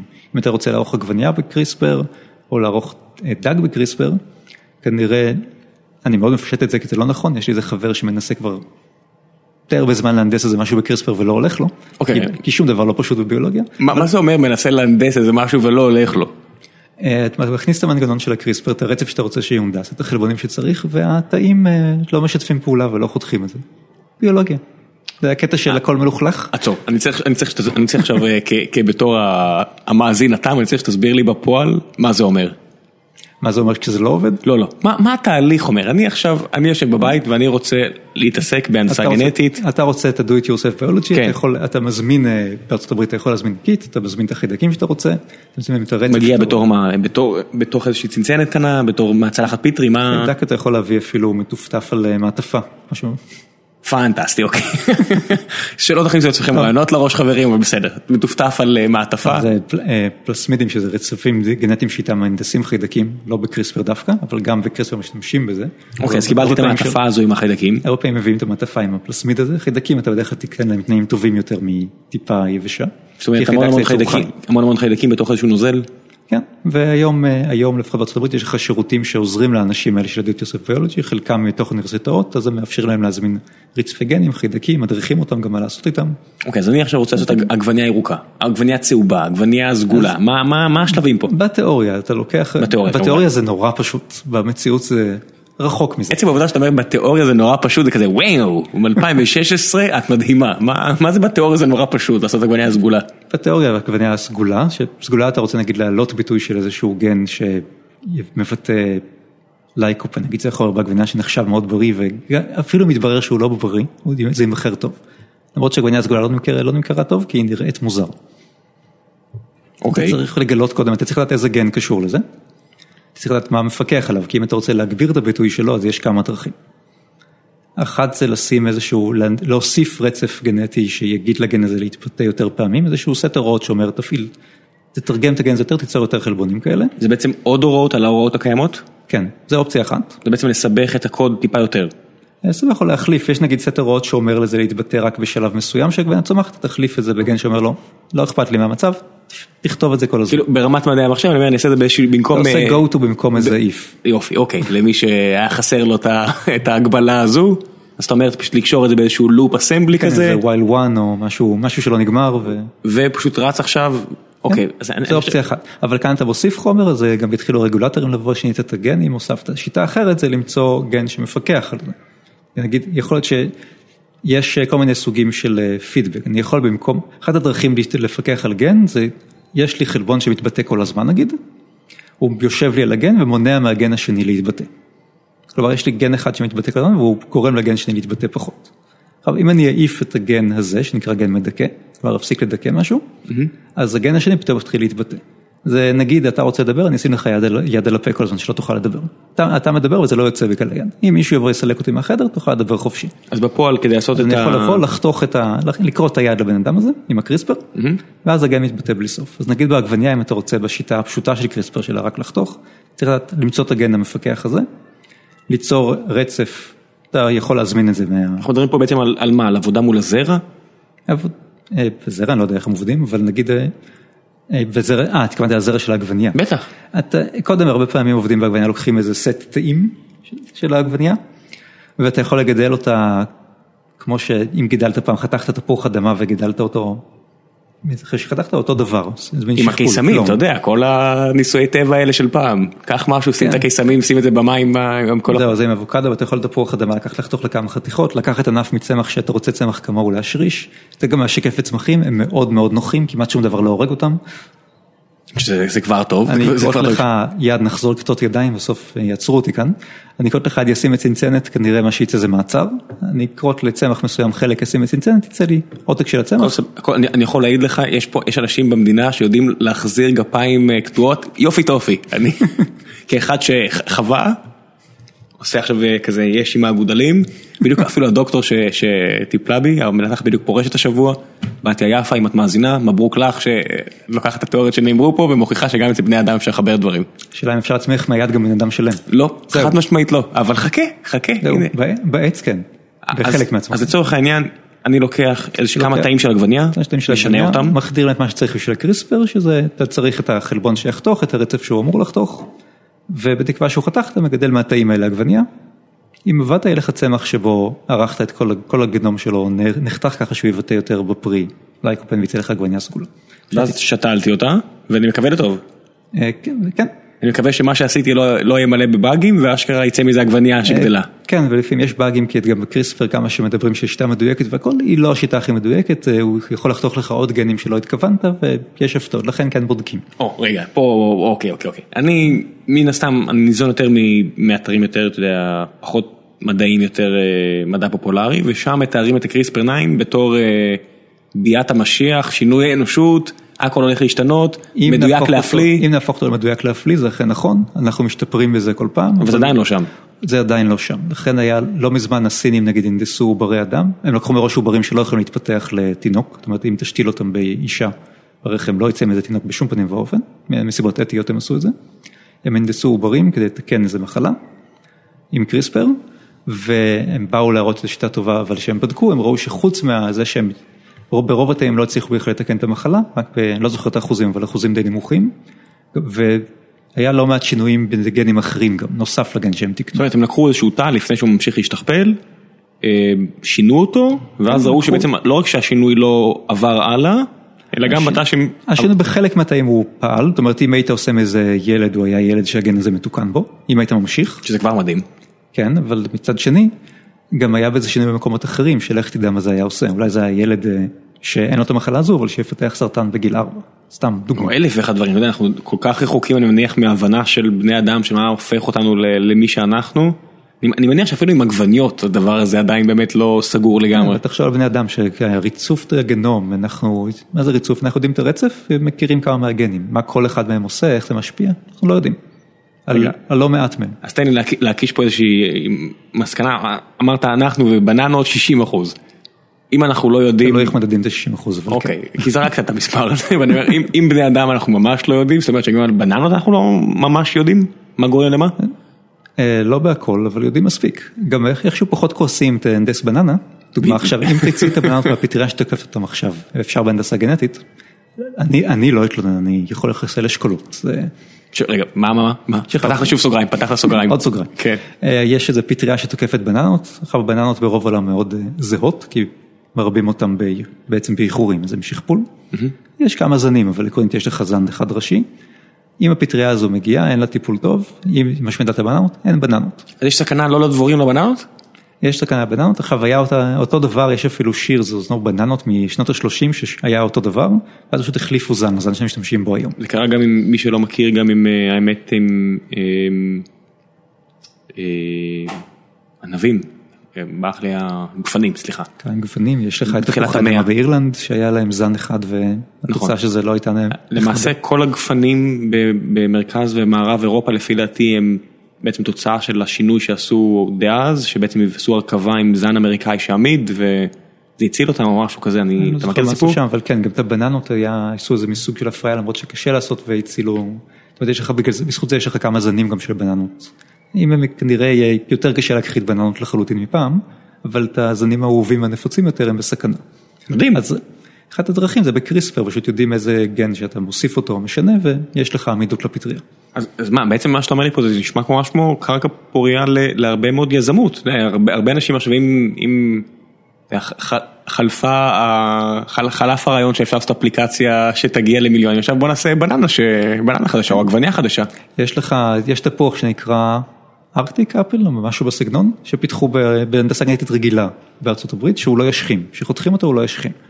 אם הוא, אם היא תפגע במחלה הוא כן ישחים, זאת אומרת הוא לא יסתיר בעיות, mm-hmm. אבל מסתם זה שאתה משאיר תפוח בחוץ, נגיד רוצה לחתוך אותו מראש לסלט שתמכור, אז זה חוסך, זה לא יזרקו את האוכל כי זה ישחים, הוא יראה טרי ונהדר. הוא היה צריך לעבור מלא מלא אישורים, חברה קטנה גם, לא שייכת לאף אחד מהחברות הגדולות. מה, מה העלות של דבר כזה? בגלל שהם צריכים לקרוא רגולציה. רגע בוא נתחיל מההתחלה, הערכה הביתית. זה, אני חוזר לערכה הביתית כן. אז זה היה הנדסה גנטית רגילה, מאוד יקר, צריך מיליונים, חברה כמעט פשטה את הרגל. אני מניח יש עניין של רגולציה ועורכי דין. ו... כן, רגולציה והפחדה של הנדסה גנטית. הם הצליחו באופן מפתיע לקבל אישור ועקרונית הם יוכלו השנה, אני חושב כבר הם יוכלו למכור את התפוח הזה בארצות הברית. מה הפחד הגדול? זה לא טבעי. בניגוד, ל... בניגוד לעובדה שאנחנו עכשיו מדברים בתוך מיקרופון ומשדרים את זה הלאה. בניגוד לזה שחלק נכבד מהגנים שלנו הם לא שלנו בכלל. למה? אוקיי, מה? אחד הגנים, אתה חייב להפסיק לפתוח סוגריים. כן, כן, אוקיי, בוא נסגור את זה ואז נחזור אחורה. סתם דוגמה, אחד הגנים שלנו שאחראי על הקשר של השליה, הוא גן של נגיף בכלל. מתישהו נדביק אותנו נגיף, הגן הזה נשאר, והגוף במהלך האבולוציה ניצל את זה כבר למשהו אחר. מה היה לפני כן? זה שלב איזה שלב זה נדבק, כי יש לך שליה פחות טובה קודם כל. היום אם אתה מוציא את הגן הזה, שהוא גן של נגיף, אתה מוציא אותו, האישה שתוציא את זה ממנה היא יקרה. במאה אחוז? לא, כן, היא לא תוכל לייצר שליה טובה, לא יהיה קשר ואז לא תוכל, התינוק יופל. יהיה כזה התחלה של השתרשות וילך על זה. רגע, אבל לפני, לפני כן היה בני אדם בלי אותו גן. יש לך היום יצורים שיש להם, שאין להם את הגן הזה, משתמשים בשיטות אחרות. יש לך... יצורים זה לא בני אדם. יונקים אחרים. אוקיי. בבני אדם ובקופים יש את הגן מהנגיף הזה. כמה זמן הסיפור הזה? בארנבות יש גן מנגיף אחר, ובזרוק, נראה לי בעכברים בכלל אין את הגן הזה. זה, זה משהו שהוא יחסית חדש או? לפי זה שיש אותו בכל הקופים, הוא התחיל באב הקדמון שלנו. המשותף לנו ולשאר. זה איזשהו חלק אינטגרלי מבני אדם מודרניים במיליון שנה האחרונות. קיבלנו אותו, הוא לא הזיק, מתי שהוא הפך למועיל ומתי שהוא הפך ל... אנחנו לא יכולים בלעדיו. תמיד עולה השאלה בסיטואציות האלה, ואני חייב תכף לחזור לערכה ביתי לסגור את הסוגריים האלה. אחרי שנסגור את הבנה. כן, מה הסיפור עם התוספתן? שאתה אומר לי, אתה יודע, אתה מדבר איתי על גנים ברמה של לזהות גן ספציפי שנשאר. ויודעים שהוא דאג לחזק. זה אפשר גם לדבר שעות, זה כמו שיש לך לפעמים מישהו שנולד עם קצה של זנב, או אם יש לך דולפינים לפעמים שיוצאים. אנחנו פה תכף מגיעים ל stack overflow, אז בוא נחזור שנייה אחורה, נחזור לזנבות. תפוח ממנו לערכה הביתית. אז התפוח זה לקח מלא שנים של אישורים, והשנה אישרו בלי שום בעיה פטריה שעשו לו, שינו בו בדיוק את אותם גנים. לא פטריות הרי גם משחירות אם חותכים אותם. לי האמת זה לא מפריע אם זורקים, אני מתעב פטריות בתור אוכל, אבל אז גם, אז עשו זן פטריה שהוא לא משחים, עבר אישורים, לא מסומן כ-GMO, לא כלום. למה? עשו אותו בקריספר. ושיטה מאוד פשוטה, ידעו כבר את הגן, כי הגן שיש בעגבניה שגורם לה להשכים, הגן שיש לך בתפוח שגורם לה להשכים, הגן שיש בתפוח אדמה, זה אותה, אותו גן. למה זה? גנים את האמת. אוקיי. לגן הזה מניח יש איזושהי משמעות אבולוציונית, הוא שם מסיבה, לא? אה, כן, אני לא סגור מה, הוא מחמצן איזה משהו, אני מניח שזה מגן על הצמח, אבל כשזה צמח מתורבת הוא כבר לא, לא ממש צריך את זה. בשבילנו זה תופעת לוואי. ועד כמה מסובך זה להעיף את השטות הזאת החוצה? מאוד פשוט, אלה, אלה שעשו את הפטריה פיתחו אותה מאוד מהר עם קריספר, ועקרונית אתה יכול בערכה הביתית, אתה יודע את הגן, יודע את הרצף, תאורטית אתה יכול לקחת צמח אחר שמשכים, להזמין את הרצף המתאים. מה, מה הכלי העבודה שלי בסיפור הזה? בסיפור, נפשט את זה לחלוטין, אתה צריך משהו שיבטא את החלבון קריספר בתוך התאים, שהוא המספריים שגוזרות, את הרצף שיגיד לחלבון לאן ללכת ולחתוך, ובאופן מאוד פשוט זהו. מעשית אתה צריך להכניס את זה בצורה נכונה לתאים, כל מיני שיטות, אם אתה לא רוצה שיקראו לזה מונדס גנטית, אתה צריך שאחרי שהשתמשת בקריספר שהוא יעוף החוצה, שלא יישאר שם החלבון הזר. אני מתכנת את זה על מחשב, אני חייב לשאול, אני מחזיר לפרטים הטכניים. יש לך תוכנות שאיתן אתה יכול להזמין את הרצף במחשב, אתה מקליט את הרצף שאתה רוצה. יש כמו אוטוקאד לגנים? הם בודקים לך התאמה, מה הסיכוי שזה יפעל, אתה שולח לחברה שמדפיסה לך את ה... רצף באמת כ-DNA, מקבל את זה מודפס. יש אפילו חברה ישראלית שעושה... כן, יש איזה חברה ישראלית, לא זוכר. חברה שעושה קומפיילר כזה, שעוד מחזיר לך את התשובה, אני אשים לינק למי שרוצה לקרוא עוד על הסיפור הזה. כן, יש חברה ישראלית שעושה את זה, אני חושב שהיא בן גוריון, אבל לא סגור. כן, היה פרק מעולה של פודקאסט אחר שאני מאוד מחבב שם השבוע, שהם דיברו איתם, והביאו את הסיפור שלהם יותר מהצד העסקי, אבל מהצד הביולוגי יותר דווקא מעניין לשמוע ממך, שמה קורה בפועל, אם אני רוצה עכשיו לעשות אחד כזה, להזמין את הערכה. בפועל אני בטוח שאפשר דרכם. זאת אומרת, אני מניח שאת הרצף אפשר דרכם, את החלבוני קריספר לא יודע אי אפשר, אבל שוב, בארצות הברית ה-do it yourself, ממש יש לך אפשרות אפילו לבוא לאוניברסיטאות, ונותנים לך את המדריך ואת החומרים שלהם לעבוד. איזה ידע אני צריך כדי ממש להתחיל לשחק עם זה? ביולוגיה תואר ראשון כזה? הרבה מה-do it yourself ביולוגי הם בלי תואר, כי זה... לא, ברור, אני מתכוון אקוויוולנטי ל, ברור שאני לא חייב את התעודה. בגלל שזה סוג של, טוב, זה יישמע מזלזל, שזה סוג של הנדסה, זאת אומרת שאתה כבר אתה ממש עושה משהו מעשי שמישהו פיתח את הכלים, אז אפשר לתת לך ספר הוראות לעשות אותו, אתה לא חייב את כל ההבנה העמוקה על מה שקורה סביב זה. זה לא בסדר, זה לגמרי, זה לגמרי מה שאנחנו רואים בעולם הטכנולוגיה היום. נכון, זה, זה בדיוק אותו דבר, רק בביולוגיה, זה מתחילים את ה, לצאת מהמוסך ושכל בן אדם יוכל להנדס לו איזה משהו. אולי בעתיד יהיה לך מכשיר בבית שתוכל להנדס בדיוק את האוכל שאתה אוהב, או שתוכל, אם אתה אלרגי למשהו, תוכל להזמין ולהכין לך אוכל בלי החלק שאתה אלרגי אליו. האמת שזה היה ממש מגניב, כי אתה יודע, אם אני מסתכל היום על עולם, עולם מדעי המחשב, איזשהו מחקר פורץ דרך או מתודולוגיה חדשה, הרבה פעמים מגיע מאנשים שהם לא מהאקדמיה. כי הידע יצא החוצה ויש אנשים שהקדישו את חייהם לכך והם גם לא צריכים להיות באקדמיה, והם מוצאים משהו שזולג אחרי זה פנימה לתוך האקדמיה, אנחנו רואים את זה היום הרבה. בביולוגיה זה גם יכול לקרות? עוד לא, אני עוד לא מכיר שזה קרה, אבל אני מניח שכן, גם כל השילובים של נגיד הדפסת DNA במדפסת תלת מימד שלא קשור עקרונית, תוכל להשתמש בזה בטח להדפיס חלבונים בתוך ביולוגיה, אז אני בטוח שיחזרו דברים פנימה. כאילו מיזמים בחוץ שיעשו את זה נטו אולי מכיוון עסקי ואז יהפכו את זה למשהו בעצם מחקרי יותר? כן, או לפחות זה כלים שייכנסו למחקר, גם הריצוף גנום זה היה פרויקט ביולוגי ענק, אבל היום יש לך הרבה חברות שעוסקות בזה והעלות היא אלפית אם לא פחות מהעלות של הריצוף גנום. אז כיוון שאנחנו לא יודעים מה העלות הגדולה, מה זה אלפית מזה, מה אנחנו מדברים פה? הייתה עלות, אני ממש לא זוכר את המספר, רוצה לזרוק. תן לי איזה סדר גודל. אם אני עכשיו רוצה לקנות את הערכה הזאת, על מה מדובר בעצם? את הערכה שהשתמשו, את הערכה של היום של הריצוף? כן, הערכה ביתית. אני חושב שהיום ריצוף גנום אפילו אתה יכול לקנות ולשלם באלף דולר ופחות. זאת אומרת, אפורדבול לגמרי, בן אדם שהוא חווה ורוצה להיכנס לעניינים, זה משהו שהוא... כן, יש לך היום את החברות. לא נגיד שמות, אני גם לא זוכר את כולם, את החברות שאתה שולח ל-DNA ומרצפים אותך ומפחידים אותך עם איזה מחלות יהיו לך או איזה גנים, יש לך גן להתקרחות או גן ל... קורה. כן, כן רק אתם מצאו סטיבן פינקר, שהוא... זה שווה לעקוב אחריו, חוץ מזה, אבל... נשים לינק. אדם בעל, אדם בעל רמת שיער. אוקיי, ומה הוא מספר?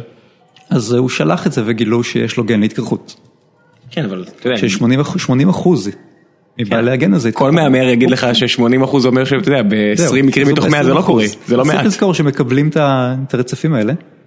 זה אחת הבעיות מזה שיוצא כאילו מידיים שמבינות בנושא, אתה יכול לשלוח ריצוף לקבל תשובה ולהילחץ כי יש לך גן שאומר שיהיה לך סרטן כלשהו. בהסתברות של מה? זהו, בהסתברות של 0.1 אחוז. אני אקח את הסיכויים האלה על כל דבר, כמעט בכל דבר שיכול לקרות, 0.1 זה לא נורא. נכון, אבל יש אנשים שילחצו כי יש את הגן, מצד שני זה גם יכול, אם יש לך גן שאומר שיש לך סיכוי ל-40 אחוז ומשהו, אתה פשוט לי, זה לא אומר שיהיה לך, אבל זה אומר שכדאי שתיבדק יותר, זה יכול לעזור. אז זה הסיבה שבייעוץ גנטי בדרך כלל אומרים לך לחזור לייעוץ אחרי התשובה. לאיפה אתה רואה את המדע הזה מתקדם? רפואה מותאמת אישית, שזה בז מאוד פופולרי, אבל זה טוב. כן, רוני לינדר הייתה פה כתבת בריאות של דה מרקר, דיברה על זה שכל מה שקשור לאונקולוגיה, לשם זה צועד. שזה די ברור. עכשיו יש לך מין סוגים של רפואה מותאמת אישית, נגיד בודקים את הגידול, רואים אם הוא יגיב לטיפול מסוים, הוא לא יגיב. כן, זה עדיין ברמה של הקטגוריה של המחלה ולא אליך. כן. השאלה מתי זה יהיה אליך. אבל של סרטן המחלה זה אתה. נכון, אתה המחלה. כן, נורא ואיום. כן, אבל אתה המחלה. אבל יש לך אפילו את ההבדלים ששני אנשים שונים ייקחו תרופה, על אחת היא תשפיע חזק, על שני היא תשפיע פחות, כי יש הבדלים במטאבוליזם שלהם. זה רוב התרופות, לא? כן, אבל אם תוכל מראש לדעת, תוכל לאחד לתת כמות כפולה ולשני לתת חצי כמות של התרופה. אם תדע, אם יהיה לך כבר את הגנום של בן אדם, זה גם סוג של רפואה מותאמת אישית. כן, וזה עדיין נשמע לי כמו משהו שרק החברות הממש ממש גדולות, זה נשמע כמו עדיין כמו מחקרים שהם, שהחסם כניסה שלהם הוא עדיין עצום. דווקא כל הקריספר וכל מה שתיארת עד עכשיו נשמע כמו המון המון מחקרים שרק מחכים שיקרו לאנשים, לאיזה ארבעה חמישה חבר'ה שבגראז'. וזה יקרה, וכנראה לא בעתיד הרחוק. שמה, מה, מה, תספר לי כאילו אפשרויות. קודם אנשים מתוך סקרנות יעשו דברים, אנשים שסתם ירצו לעשות שמרים שמייצרים, שבתסיסה שלהם עושים יותר אלכוהול, או בירה בטעם שונה לחלוטין, בירה בטעם וניל בעזרת שמר. זה, זה הכל על צמחים בעצם, אבל ברגע שזה מגיע ליצורים... שבר זה פטריה אגב. נכון, נכון, נכון, נכון. אוקיי, אז בוא נגיד זה הכל על אה, יצורים חיים בסיסיים. אני חושב שאם מישהו מהדו איט יוסף ירצה לעשות אה, חתול אה, ירוק, אה, אוקיי, בוא נגיע למקום הזה. יש. סיכוי שיהיו בעיות אתיות, כי ברגע שאתה מגיע ליונקים אז מתחילים, אה, אני חושב שבצדק גם, כי אתה יכול ליצור איזה אסון אקולוגי קטן עם... אה, מאיזו בחינה? לא, דווקא, לא מבחינה שדווקא נגיד תיצור ציפור שסתם תשחרר אותה לחופשי והגנים הגנים שהוספת לה יתפשטו באוכלוסייה. יש את הסיפור הזה עם התוכים בצפון תל אביב, אתה מכיר את זה? אה, נכון וזה קורה באופן טבעי. כן. עכשיו מבחינת או הרבה אנשים, באוסטרליה או כל מיני דברים כאלה. אוסטרליה היא, אסון מבחינת הדברים האלה ויש שם מלא מילים פולשים. כן. אבל עצם העובדה שבעצם יכול להיות שהכחדת מין, כי זה כמו שתשחרר חתול במקום שלא היה בו והוא התחיל לש- אה, להשמיד כל מיני חיות. וגם הבחינה הגנטית, אתה מוסיף גן שלא היה באוכלוסייה הטבעית. או במקרה דוגמה טבעית, זאבים שמתרבים עם כלבים. נוצר מזה צאצא פורה, אבל זה כבר לא באמת זאב, האוכלוסייה הטבעית של הזאבים נפגעת עד שהיא תיכחד. אז זה סוג של, יש אנשים שיגידו, אז מה? יש כאלה שיגידו שזה די אסון אקולוגי, כי הכחדת מין שלהם. מה מה דעתך בנושא הזה? אני אוהב זאבים. כן, אני, לא אני עבדתי עם כלבים הרבה שנים, אבל אתה מסתכל, אתה אומר, זה, זה כל כך שונה כבר, אתה רואה את ה... לא יודע, 200 מיני כלבים, שאנחנו, זני כלבים שאנחנו מכירים אה, כבני אדם. כן, שוב, אנחנו קוראים להם זנים כי זה, יש לנו את הצניעות המזויפת שלא לקרוא לזה מיני כלבים. כי באמת יש כלבים שאף בן אדם, אם תגבי זר, תיקח דני ענק ופינצ'ר, זה לא יקרה. אנחנו- אנחנו- אנשים- אנשים יניחו שזה מינים שונים של יצורים. אני אגיד לך גם מעבר, אתה יודע, ההגדרה הרי של אה, החלוקה למינים זה אם יכולים להתרבות אחד עם השני, נכון? לא כל כך. אה, מה ההגדרה של מין? אה, זה כאב ראש אחד גדול מינים. וואו, עד כדי ככה? כן. זה לא טוב? כי אוהב- כי אוהבים להגיד לא יכולים להתרבות, ההגדרה המאוד, אה, היותר, היותר קרובה, זה גם, אבל היא גם לא נכונה, כי נגיד בחיידקים יש לך מינים שונים ומערבבים חומר גנטי בקלות, יש לך צמחים שיכולים להתערבב בקלות והם עדיין מינים שונים. קדימה, קדימה. אפילו בעדו חיים. ו- some knowledge פה. אז בדרך כלל אומרים שאם הצאצאים שמתקבלים הם פחות פוריים, מאשר הצאצאים של אה, שני דברים שהם מאותו מין, אז זה כנראה מין אחר. וואו, זה ממש לוס. מה- מהבחינה הזו כל זה הכלבים הרבה זה... פעמים אומרים, זה לא מינים שונים, הם יכולים להתרבות. נכון, זה לא אומר שהם לא מינים שונים. אם הם לא יכולים להתרבות, זה רוב הסיכויים שהם מינים שונים. אם הם יכולים, זה לא מחייב שזה, לא, שזה מין שונה, או לא מין שונה. אה, אז מה- אז מהבחינה אותי, מה זה הטהרנות הזאת של חיסלת את הזאב המנוקד אה, כי הצפון קיבלת איזה סיבירי? יצור אה, שני שהוא לא זאב ולא כלב. ואם הוא מתרבה ויוצר יצורים כמונו, אולי יצרת מין חדש, אבל הזאב נעלם. חוץ מזה, כלב נחשב היום למין של זאב. כן, אתה יודע, מי מי יחשוב אחרת, או ש... שוב, כי זה יצור מבוית, אז יש לנו נטייה לא להגיד שהם מין נפרד. מה, לעשות את ההפרדה הזאת בין אה, וגם- ממלכת בני אדם ל- ל- לטבע? אה, כן, חוץ מהמקרה של כלבים וזאבים, באמת אה, הצאצאים שלהם פוריים ואין הבדל בכשירות. אני חושב שאפילו הצאצאים טיפה יותר מוצלחים מהצאצאים המקוריים של הזאבים. כי אם לוקחים את הגנטיקה, סך הכל יש את הדברים הטובים מכל צד נקרא לזה? כן, זה מין כמו ש... אבולוציה מהירה. תגוון. זה, זה סוג של אבולוציה, יש לך היווצרות מינים בשיטה כזו שנקרא אבולוציה בהיברידיצציה. מה זה? אבולוציה שאתה לוקח שני יצורים שונים ויש, בין כלאיים שלהם הוא, הוא, מין, אה, הוא מין שהוא שונה משני ההורים. פרדה? אה, שזה, שזה יהיה מוזר לקרוא לזה מין כי זה לא מתרבה, אבל אם, אם פרדה הייתה פוריה, וב-99.9% מהמקרים היא לא. אוקיי, מה זה? 99.9 אומר שאחד מאלף כן? כן, אבל זה גם הצאצא הוא לא פרד. אה, הוא יותר סוס או יותר חמור? הוא איזשהו משהו מעור- מעורבב אחר. זה גם, אתה יכול לזווג את ה... אנחנו צוחקים עליו בבית ספר. בטוח צוחקים בבית ספר. בטוח הוא חוטף בב- בבית ספר. גם אני לא. סוס, אני לא חמור. אתה לא סוס או חמור ולא פרד כן, אתה? ממש, אתה ממש כלום. זה מעניין הנושאים האלה מבחינה המוסרית, אבל אני, מניח שזה, יגיע לשם במוקדם או מאוחר. עם היכולת לשחק עם זה. זה בטוח יגיע לשם. אבל אה, מצד שני, כל כך הרבה זנים נעלמים בין כה וכה. אז זה שוב, זו שאלה של איפה אתה מעמיד את האדם. אם, אה, אם אתה רוצה קצת שימור טבע, אז אתה תעדיף למנוע ערבוב של גנים ולשמור על אוכלוסיות טבעיות. גם לפחות במקרה של צמחים, אתה הרבה פעמים אה, יכול להיות שהכחדת איזה יער כדי לשתות במקומו סויה, ולך תדע איזה צמחים עם אה, תרופות חדשות יכולת לגלות אם לא היית משמיד את היער הזה. סביר מאוד להניח שאיבדת הרבה. כן, זה גם שיקול, זאת אומרת, יש גם שיקול אגואיסטי בשימור טבע. לא זה לא חייב להיות שיקול אה, תמיד אקולוגי. זה הדרך של ה... לא מגני הטבע או שומרי הטבע, מה, קודם? תמיד טוב למכור לאנשים שזה עוזר לכם אם. במקרה הזה לפחות של יערות גשם זה עוזר לכם אם. אנחנו חוזרים לקטע של הגראנץ וה... כן, להגיד שאתה מטפל בסרטן או. מרפא רעב. אבל בכל מקרה אם תשקר אתה לא תקבל. זה גם במקרה של יער גשם, לשמור יער גשם כי יש שם מגוון גדול ויש הרבה חומרי טבע שנוכל למצוא, זה נכון. ביודיברסיטי זה, אני חושב שמוסכם על כולם, חלק גדול מהתרופות באמת הגיעו מהמקומות האלה, הגיעו מגידול, יש תרופות סרטן שזה פטריה שמצאו ב- באיזה, סתם, בדקו אדמה באיזה ג'ונגל. מצד שני יש לך תרופות שמצאו בחצר בלונדון, אני לא יודע אם זה הגיע לתרופות, אבל חומרים חדשים שבודקים יהיו תרופות שמצאו בחצר באנגליה או בדלק. היה איזה, איזה דלק שפרסמו שדגמו ממנו חיידקים ככה מה, מהעין, לא עין, אני לא יודע איך קוראים לדבר שבולט מהם. ואז מצאו שם, דגמו, חיפשו חומרים שעוזרים לטפל בחיידקים, מצאו איזה, אני לא זוכר אם זה החיידק או פטריה שמצאו שפועלת אנטיביוטיקה לא מוכרת. זה יותר כאילו, אתה יודע, כל ה... כשאתה שומע על כל הגילויים המקריים האלה, זה רק יותר מחזק את ההנחה שאנחנו יודעים כל כך מעט. מהבחינה שאם אנחנו אם צריכים, היינו יודעים כל כך הרבה זה לא היה כזה כיף. זה בטוח, זה בטוח, אבל האם אנחנו באמת מתקרבים עכשיו עם טכנולוגיות כמו קריספר או דברים כאלה למקום שאתה לא תצטרך לחפש איזושהי פטריה בעין של יסעור או יחמור באפריקה, אלא פשוט תדע לחפש, ליצור את התכונות האלה בעצמך מאפס נקרא לזה. וגם היום חלק מהתרופות שעשו זה לקחו מולקולה שהייתה בטבע ואז יצרו נגיד חידק ש... או פטריה שייצרו אותה בצורה קצת שונה. שיהיה פחות רעי לבני אדם, יותר טוב נגד המחלה, אם החידק כבר עמיד לזה, שינוי קטן שיהפוך את ה... שייצור תרופה שעדיין אין נגדה עמידות. כבר היום עושים את ההתאמות הקטנות האלה. אתה מוצא את החומר הבסיסי, ומשתמש בזה. כן, אני חושב, ב- ואתה גם היום עושה טיפולים בלי החומרים האלה, יש אה, טכנולוגיה שהיא די בחיתולים, שאתה מוציא תאים, נגיד בן, אדם עם סרטן, אתה מוציא תאי מערכת חיסון שלו, מהנדס אותם עם קריספר או בשיטה אחרת. שוב קריספר, זה קריספר כמה שנים, סך הכל לא? אה, 2012. אתה יודע, מי שמאזין בטח אה, אומר לעצמו, "לא, זה משהו כבר קיים 20 שנה, אתה מדבר פה על משהו שקיים בסך הכל 4 שנים. כן, כי תראה, את הידע בהנדסה גנטית יש לנו כבר שנים. כן, אבל פתאום קיצרו את הדרך, פתאום עשו את זה הרבה יותר מהר. מקצת הדרך, ויותר חשוב מקצת הדרך, מוריד את המחיר, והוא מספיק מדויק ל... נגיד, אם יש לך מישהו חולה שיש לו סרטן, אתה מוכן לקחת את הסיכון שאולי ההנדסה לא מדויקת מספיק כדי להציל אותו. אז שבעצם אתה מנסה לתכנת מחדש את הגוף שלו? אה, בדרך כלל לא מתכנתים את כל הבן אדם, רק מוציאים תאים מהגוף, תאי מערכת חיסון, ומהנדסים אותם ככה שהם יזהו יותר טוב את הסרטן עצמו ויתקפו אותו וישמידו אותו. למה בעצם זה לא הכיוון היותר אה, אגרסיבי של לחקור מחלות? הרי כל התאים, כל מה, כל חמש או כל שבע שנים אתה בן אדם חדש פחות או יותר?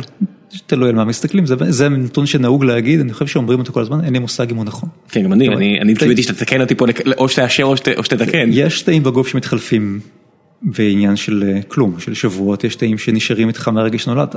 אז נגיד תאי המוח. תאי המוח, כן. הם שם. אבל כל השאר מתחלף יחסית, זאת אומרת שאם... חלק- חלקם ממש מהר, חלקם לא, יש תאי זיכרון של מערכת החיסון, זה תאים שאיתם אחרי מחלה או חיסון נשארים לך תאים שידעו, שידעו לזהות מחדש את הפולש שיפגשו אותו. הלוגים של המערכת- של המערכת הסייבר שלנו.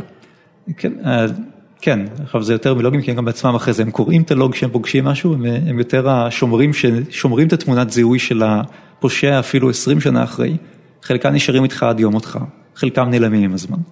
והאם אפשרי, אתה יודע, פשוט להוסיף להם עוד רשומות ב- ב- אה, תיאורטית, נגיד, תאי בפיירוול שלהם, אני יודע. בתיאורטית מה שאתה עושה לתאי מערכת חיסון שאמרתי שמוצאים נגד סרטן, אתה כאילו אומר להם, אתם רואים את הסרטן הזה? תתייחסו אליו כאויב שאתם מכירים ותתקפו אותו. שזה די מדהים. כן. נגיד לדבר כזה, היית חוזר לאקדמיה? יש יציעו לך, שמע, קראנו את עושים המחקר שלך. אני יודע, אבל... ומחוץ לאקדמיה, זאת אומרת האקדמיה נתנה את הכלים במחקר, זה היה המחקר הבסיסי, אבל משתמשים בזה היום בניסויים קליניים כבר בטיפולים, כן, גם בארץ. משהו מרגיש לי שאתה יודע, צריך כבר, החלוקה הזאת בין אקדמיה ללא אקדמיה תתמוסס. אני חושב שאם היא תתמוסס יותר מדי, אז אה, יגררו את זה לדברים יישומיים, דברים שאתה יודע מראש שהם יישומיים. ואז כל מיני מחקרים נפלאים כמו שלך לא היה להם בית בעצם. הרבה מחקרים שהם בסיסיים ואתה לא יודע מה יצא מהם. יש הרבה מחקרים בסיסיים שאוקיי, קיבלנו פריט מידע, לא יצא ממנו כלום. אחרי 80 שנה מישהו חוזר לזה ומגלה, אה, ועושה מזה איזה פטנט או מגלה משהו חדש יישום, יישומי לחלוטין. אתה לא יודע מה יקרה. לדעתי גם אה, ידע למען ידע הוא, זו סיבה מספיק טובה. ולעצם העובדה שאתה לא יכול לחזות מה יהיה עם הדבר הבסיסי הקטן שמצאת. עד כמה זה משפיע למשל על קבלת ההחלטות במכון כמו ויצמן שצריך את הכסף מן הסתם, היה לפרקים אפילו המכון הכי רווחי בעולם בזכות כל מיני דברים שיצאו ממנו, עד כמה זה משפיע שהוא מקבל דוקטורנטים או פוסט דוקטורנט, פוסט דוק, פוסט דוקטורים? אומר, פוסט דוקטורנטים. פוסט דוקטורנטים, אוקיי. אז עד כמה זה משפיע עליו שהוא אומר, אני לא יודע, אנחנו, לא, אנחנו נראה כסף מזה? אה, קודם אני לא יודע מה השיקולים של המכון עצמו, אבל יש בטוח מרגיש את זה בתור מישהו שהיה שם. יש במכון גם מחקר בסיסי וגם מחקר שהוא סביר שתוצאות שלו יהיו יישומיות. ו... עכשיו נגיד המחקר אצלי, רוב המחקר במעבדה הוא בסיסי אבל שדברים מסוימים יכולים לצאת ממנו, אבל זה לא המטרה, זה לא אומרים לך, תחשוב על שאלת מחקר שנוכל להרוויח ממנה כסף ולהוציא עליה פטנט, זה לא זה.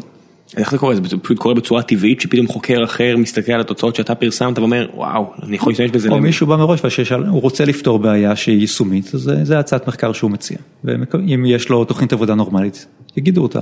אבל אם תרצה לחקור נגיד בצמח סתם, למה הצמח הזה יוצר צבע כתום במזג אוויר מסוים, תן אה, תוכנית, תראה מחקרים קודמים שאומרים שיש סיכוי שתגיע למסקנה. תקבל את המחקר, והאמת אולי תוכל להשתמש בזה בעתיד למשהו יישומי, כמו ליצור יותר צמחים כתומים אה, ומעוררי תיאבון. חשוב מאוד, לא, אבל עצם הבחירה במשהו שהולך ללווה אותך עכשיו, להיות חלק של מספר שנים מחייך, אתה יודע, כשאתה פותח אה, סטארט-אפ, בדרך כלל יש לך איזושהי מטרה מאוד ספציפית מבעד לעיניים. או שאתה רוצה לייצר מוצר למיני אנשים כי אתה מזהה איזושהי בעיה שצריך לפתור אותה, או שאתה רוצה נטו את הכסף או לא יודע מה. כשאתה ביולוגיה מהתחום שאתה מספר לי, זה די מדהים, אתה אומר כאילו מה, זה אפילו לא שאלות שנראה לי אפילו אותך באמת מרתקות, אני, אני מניח, או שלא, או לא יודע. אה, תלוי בשאלה שאתה מוצא, גם, אתה, גם כשאתה מגיע לשאול שאלות אז אה, אתה לא יכול לשאול שאלה ענקית, אתה צריך משהו שגם סביר שתוכל לעשות במהלך הדוקטורט. אתה מוצא את התחום שמעניין אותך, או זו שאלה שהיא קרובה למשהו שמעניין אותך. מחפש מה אפשר באופן יישומי להגיש הצעת מחקר כדי לסיים דוקטורנט, כי אתה רוצה לסיים את הדוקטורנט מתישהו. כן. למחקר האמיתי הארוך יותר יהיה לך את הפוסט דוקטורנט ומי שממשיך באקדמיה, או שתהיה פרופסור תוכל בעיקר להתעסק בביוגרפיה אבל לפחות לשכנע אחרים לחקור דברים שמעניינים אותך. מבחינתך כאילו מחפשים גם אולי את ה-low hanging fruit, אתה יודע, את המשהו הזה שאוקיי את זה אני יכול לעשות, בסדר? הנה המנחה הזה מציע את זה. אני מקווה מאוד שלא, אבל גם אם אתה, אם תחפש פרי גבוה מדי, אז כדאי שתמצא, תחלק אותו לחלקים ותבחר אחד מהחלקים של הפרי הזה, אל תנסה לבלוע את כולו כי אתה לא תסיים בזמן. זה משהו שאתה רואה באקדמיה, אתה רואה איזה עמית למעבדה משהו שהוא מחכה משהו, אתה אומר וואו אין סיכוי שהוא יעשה את זה? אה, לפעמים גם אה, מישהו מתחיל ורואה שזה יותר מדי עבודה, אז מחלקים, אה, מחלקים לחלק קטן מתוך מה שהוא התחיל והוא מתעסק רק בזה. מה זה אומר יותר מדי עבודה? אתה מתחיל לחקור משהו, מגלה שכנראה זה משהו שיצטרך 20 שנה, הבנתי, 20 שנה ו-30 חוקרים. לעבוד עליו, אז כדאי שתנסח מחדש את השאלת מחקר שלך. וזה, וזה משהו שלא יכלת לחזות לפני כן? אה, לא תמיד. לא תמיד אפשר לעשות, בדרך כלל אתה יכול לנחש, אה, יש לך גם את המדריכים שלך שהם המנוסים, הפרופסורים שמלווים אותך בדוקטורט, שהם אמורים וגם באמת יודעים מה הם מדברים והם עוזרים הרבה. אה, זה פשוט מדהים. טוב, אז יאללה, אנחנו מגיעים לשלב בתוכנית שבעצם אני הולך להזמין אותך, להמליץ על דברים למאזינים שלנו. עכשיו זה יכול להיות כל דבר שאתה יכול לחשוב עליו, דברים שמעיינים אותך, אה, דברים שאתה רוצה להמליץ למה לעשות, אז מעבר למדע גדול בקטנה שאני מניח ששנינו נסכים עליו שזה המלצה חמה מבחינתנו, שוט, קדימה, כן, במה שלך. לעשות פרסומות זה ברור בלי בעיה, אז אני ממליץ לא, לקרוא את הבלוג שלי כמובן. קדימה, דבר עליו, בוא תספר עליו, אתה יודע, זה חלק מהעניין פה, אנחנו רוצים להפיץ את הידע הזה סך הכל. ועוד לא הגענו בכלל, עוד לא נגענו בטפילים מספיק. אז אתה יודע, יש לנו קצת זמן, בואו הנה, זה המלצה, בואו נדבר קצת על הפילים אז. לא, זה גם אגב יש בבלוג, כן. שקוראים לו תיבת נועם. אני חושב שאם עושים תיבת נועם בגוגל מוצאים את הבלוג שלי. אני אשים לינק ככה. ואיזשהו נועם כלשהו עם וו שהוא לא אני, אני נועם בלי. שזה תמיד אישו. זה תמיד אישו. כן, אם יש לך שם את הנקודה, או לא. אה, אפילו בלי נקודה. כן, אוקיי, ו... עוד שבמזלי יש לך גבינה בלי וו, אז אפשר להשתמש בה. עד שיאשימו אותי שאני שייך אליה. כי כבר מישהו האשים אותי שתאגיד מי נועם שייך אליה. כי כתבתי משהו בעד הפלרה. אה, טוב, אתה יודע, כשאתה כותב משהו... לא ידעתי שיש כזה אפילו, אז הייתי בטוח שזה בדיחה. כולם מחפשים את האינטרס היום, כולם בטוחים שכולם סוכנים של כולם, אני לא יודע אם אתה רואה, אבל... אני רואה, אני סוכן. פייסבוק ישראל פחות או יותר נמצאים על המוקד בכך שהם עוזרים לבנקים, עכשיו יכול להיות שזה כן, יכול להיות שלא, אני כבר מסתכל, אני אומר, אין לי את היכולת להכריע, אני פשוט, אני לא מתעסק, באמת. לפי התגובות, אה, אני, יומירן, כל המידעת, כולנו סוכנים של הכל. אה, ושל גופים נוגדים אפילו, זה משעשע. חוץ מהקרן החדשה לישראל, עדיין לא ראיתי אתכם משורבבים שם. לא, בזה עדיין לא האשימו אותם. חכה, חכה. אבל תן לזה זמן, חכה, אני לא אופתע משום דבר. אז רגע, אז בוא לפני שנגיע להמלצות הפילים. אה, לפני זה, עוד כש... לפני שהתחלתי את הבלוג, הרבה לפני כתבתי בגלילאו, מגזין שהוזל לצערי, הוא נסגר לא מזמן. ולפני נראה לי ב-2012 החלטתי להתחיל להכניס כתבות מגלילאו לבלוג, נכנסתי להם, עכשיו בבחירת כתבות זה כל מיני דברים ביולוגיים, אבל אם אני רואה משהו מגניב על טפילים זה נכנס לשם. אל תפריע לי, אני רושם את מה שאתה יודע ללינקים להמשיך. אז אה, וככה הגעתי, אהבתי טפילים מראש, אבל ככה היה הזדמנות גם לחפור לאנשים אחרים על זה. בבלוג אין יותר מיני כתבות על טפילים, יש הרבה דברי כתבות מגלילאו, לפעמים סתם נגיד תגובות על הפלרה או דברים שונים כאלה, מחקרים מגניבים שפגשתי ואני רוצה לכתוב עליהם בצורה יותר עמוקה ממה שאני כותב בפייסבוק נגיד. אתה מוצא את עצמך מקבל אה, בקשות מהקהל? אה, מדי פעם, לא הרבה, מדי פעם, אבל אה, זה נחמד לפעמים לקבל את ה... מצאתי את הבלוג ואחר אני קורא את כולו מההתחלה, מהסוף להתחלה וכל מיני דברים, זה נחמד הדברים האלה. תמיד כיף לשמוע. הפצת ידע. בייחוד שזה נושאים מאוד שונים. כן, מגילוי עריות ועד לפטריות. גילוי עריות זה אה, יונת אשחר כתבה, כן, לא אני, אבל... אה, היה פוסט מעולה. אה, כן, גם אני חשבתי. כן, ואתה יודע, אפילו היה מישהו ששאל ספציפית על זה, אני, אני מניח שהוא נבר בבלוג לפני, או שלא, אני לא יודע, אבל על, על המקום של הוודאיות, האלה, אתה יודע, איך זה השתרש והכל, ובמקום להראות את זה בשיחה, אני פשוט אשים לינק לפוסט הזה, כי זה בעצם... מסביר את זה כל כך יפה, את הסיפור הזה של להראות איך עיקרון ביולוגי פשוט של, אתה יודע, גילוי עריות מוביל לכך וכך בהסתברות כזו וכזו, ומוביל לאיזשהו אפקט פסיכולוגי של רתיעה מהסיפור, ואיך זה משתרש תרבותית, ופשוט כתוב נפלא. כן, זה גם השערה שהיא סבירה ויש הרבה דברים שיש להם איזשהו בסיס ביולוגי של אה, רתיעה מדברים. כן, זה יכול להיות שלא, אבל מה זה, מה, מה זה כן ולא מהבחינה הזאת, אתה יודע, שאתה מסתכל כן, על, על השפעות גם, אה, חברתיות. אבל כתבה היא הדגישה שזה לא עובדות, זה הכי סביר, זאת אומרת יש איזשהו היגיון סביר, זה ההסבר הכי, הכי סביר שיש לנו כרגע. ימצאו מתישהו הסבר אחר. למה גילוי עריות זה בעייתי בעצם? כן, למה יש רתיעה מזה לא רק בבני אדם, אלא יש הרבה יצורים שנמנעים מזה. למרות שאתה יודע, אני, אני מסתכל למשל על דבר כזה, איך זה לא מוחלט, אתה מסתכל על תיאוריה שהיא כל כך חזקה, מה, מה יכול לצאת שיערער אותה? בוא נראה שתן את התיאוריה בשתי מילים, למקרה שמישהו שלא לא יאזין לעצתנו ויקרא את הפוסט הזה, אבל בכל זאת. על הגילוי הרצף, שוב, אני הייתי קורא לזה השערה, אוקיי. אבל הרעיון זה שברוב המינים, אם זה יעשה רבייה בין שני צורים שהם קרובי משפחה, נגיד אחים, אח ואחות לדוגמה, אז מאחר שיש להם גנים משותפים, יש סיכוי יותר טוב שגנים שגורמים למחלות יבואו לידי ביטוי בצאצאים שלהם.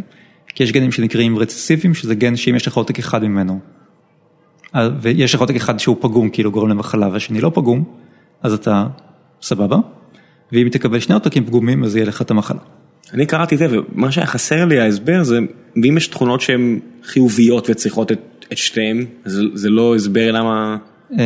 יש, אני חושב אם יש כאלה, יש כאלה, אני מניח שיש כאלה יותר נדיר, גם בדרך כלל מתמקדים במחלות, כי את המחלה זה משהו שיותר בולט לעין.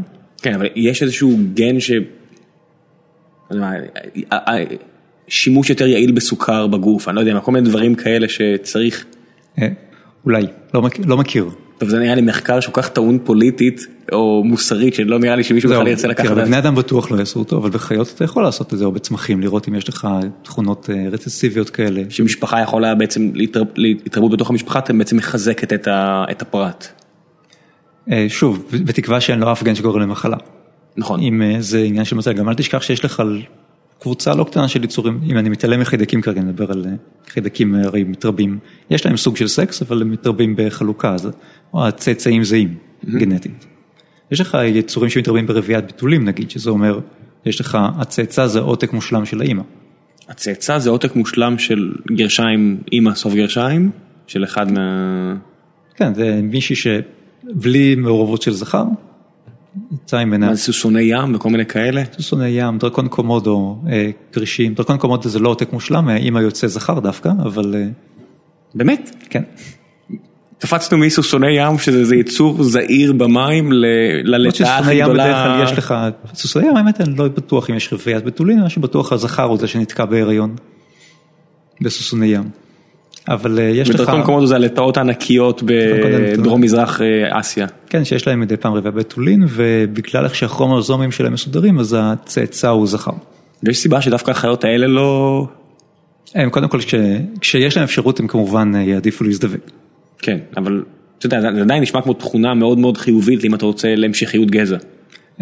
כן, ובאופן כללי להשתלט על סביבה חדשה. למשל. כן, אתה מגיע לאי, אתה הדרקון היחיד בו, עוברות כמה שנים ויש שם אוכלוסייה של דרקונים. כי בתיאוריה שסיפרנו לפני כן של נעשה חתול סגול עם יכולות של אקסמן ונשחרר אותו עדיין צריך איזה חתולה בשביל... אלא אם כן אם תיתן לחתולה כזו אתה יכול להתרבות, למרות שאין רביית בתולים, אני לא מכיר רביית בתולים. זה מה שאני אומר, אז אני אומר, כל התוכנית שלנו פה, לפחות לפגוע קצת באוכלוסיית החתולים בגוש דן נפגעה קצת. למרות שחתולים הם עושים מספיק נזק גם בלי שנוסיף להם את היכולת הזו. כן, אני מניח שאתה יודע, בגלל זה אנחנו נעצור את הדיון פה לפני שמישהו יקבל רעיונות לראש. אני מת על חתולים, אבל מבחינת הכחדת יצורים הם עושים עבודה טובה כמעט כמונו. הם טורפים מעולים. כן.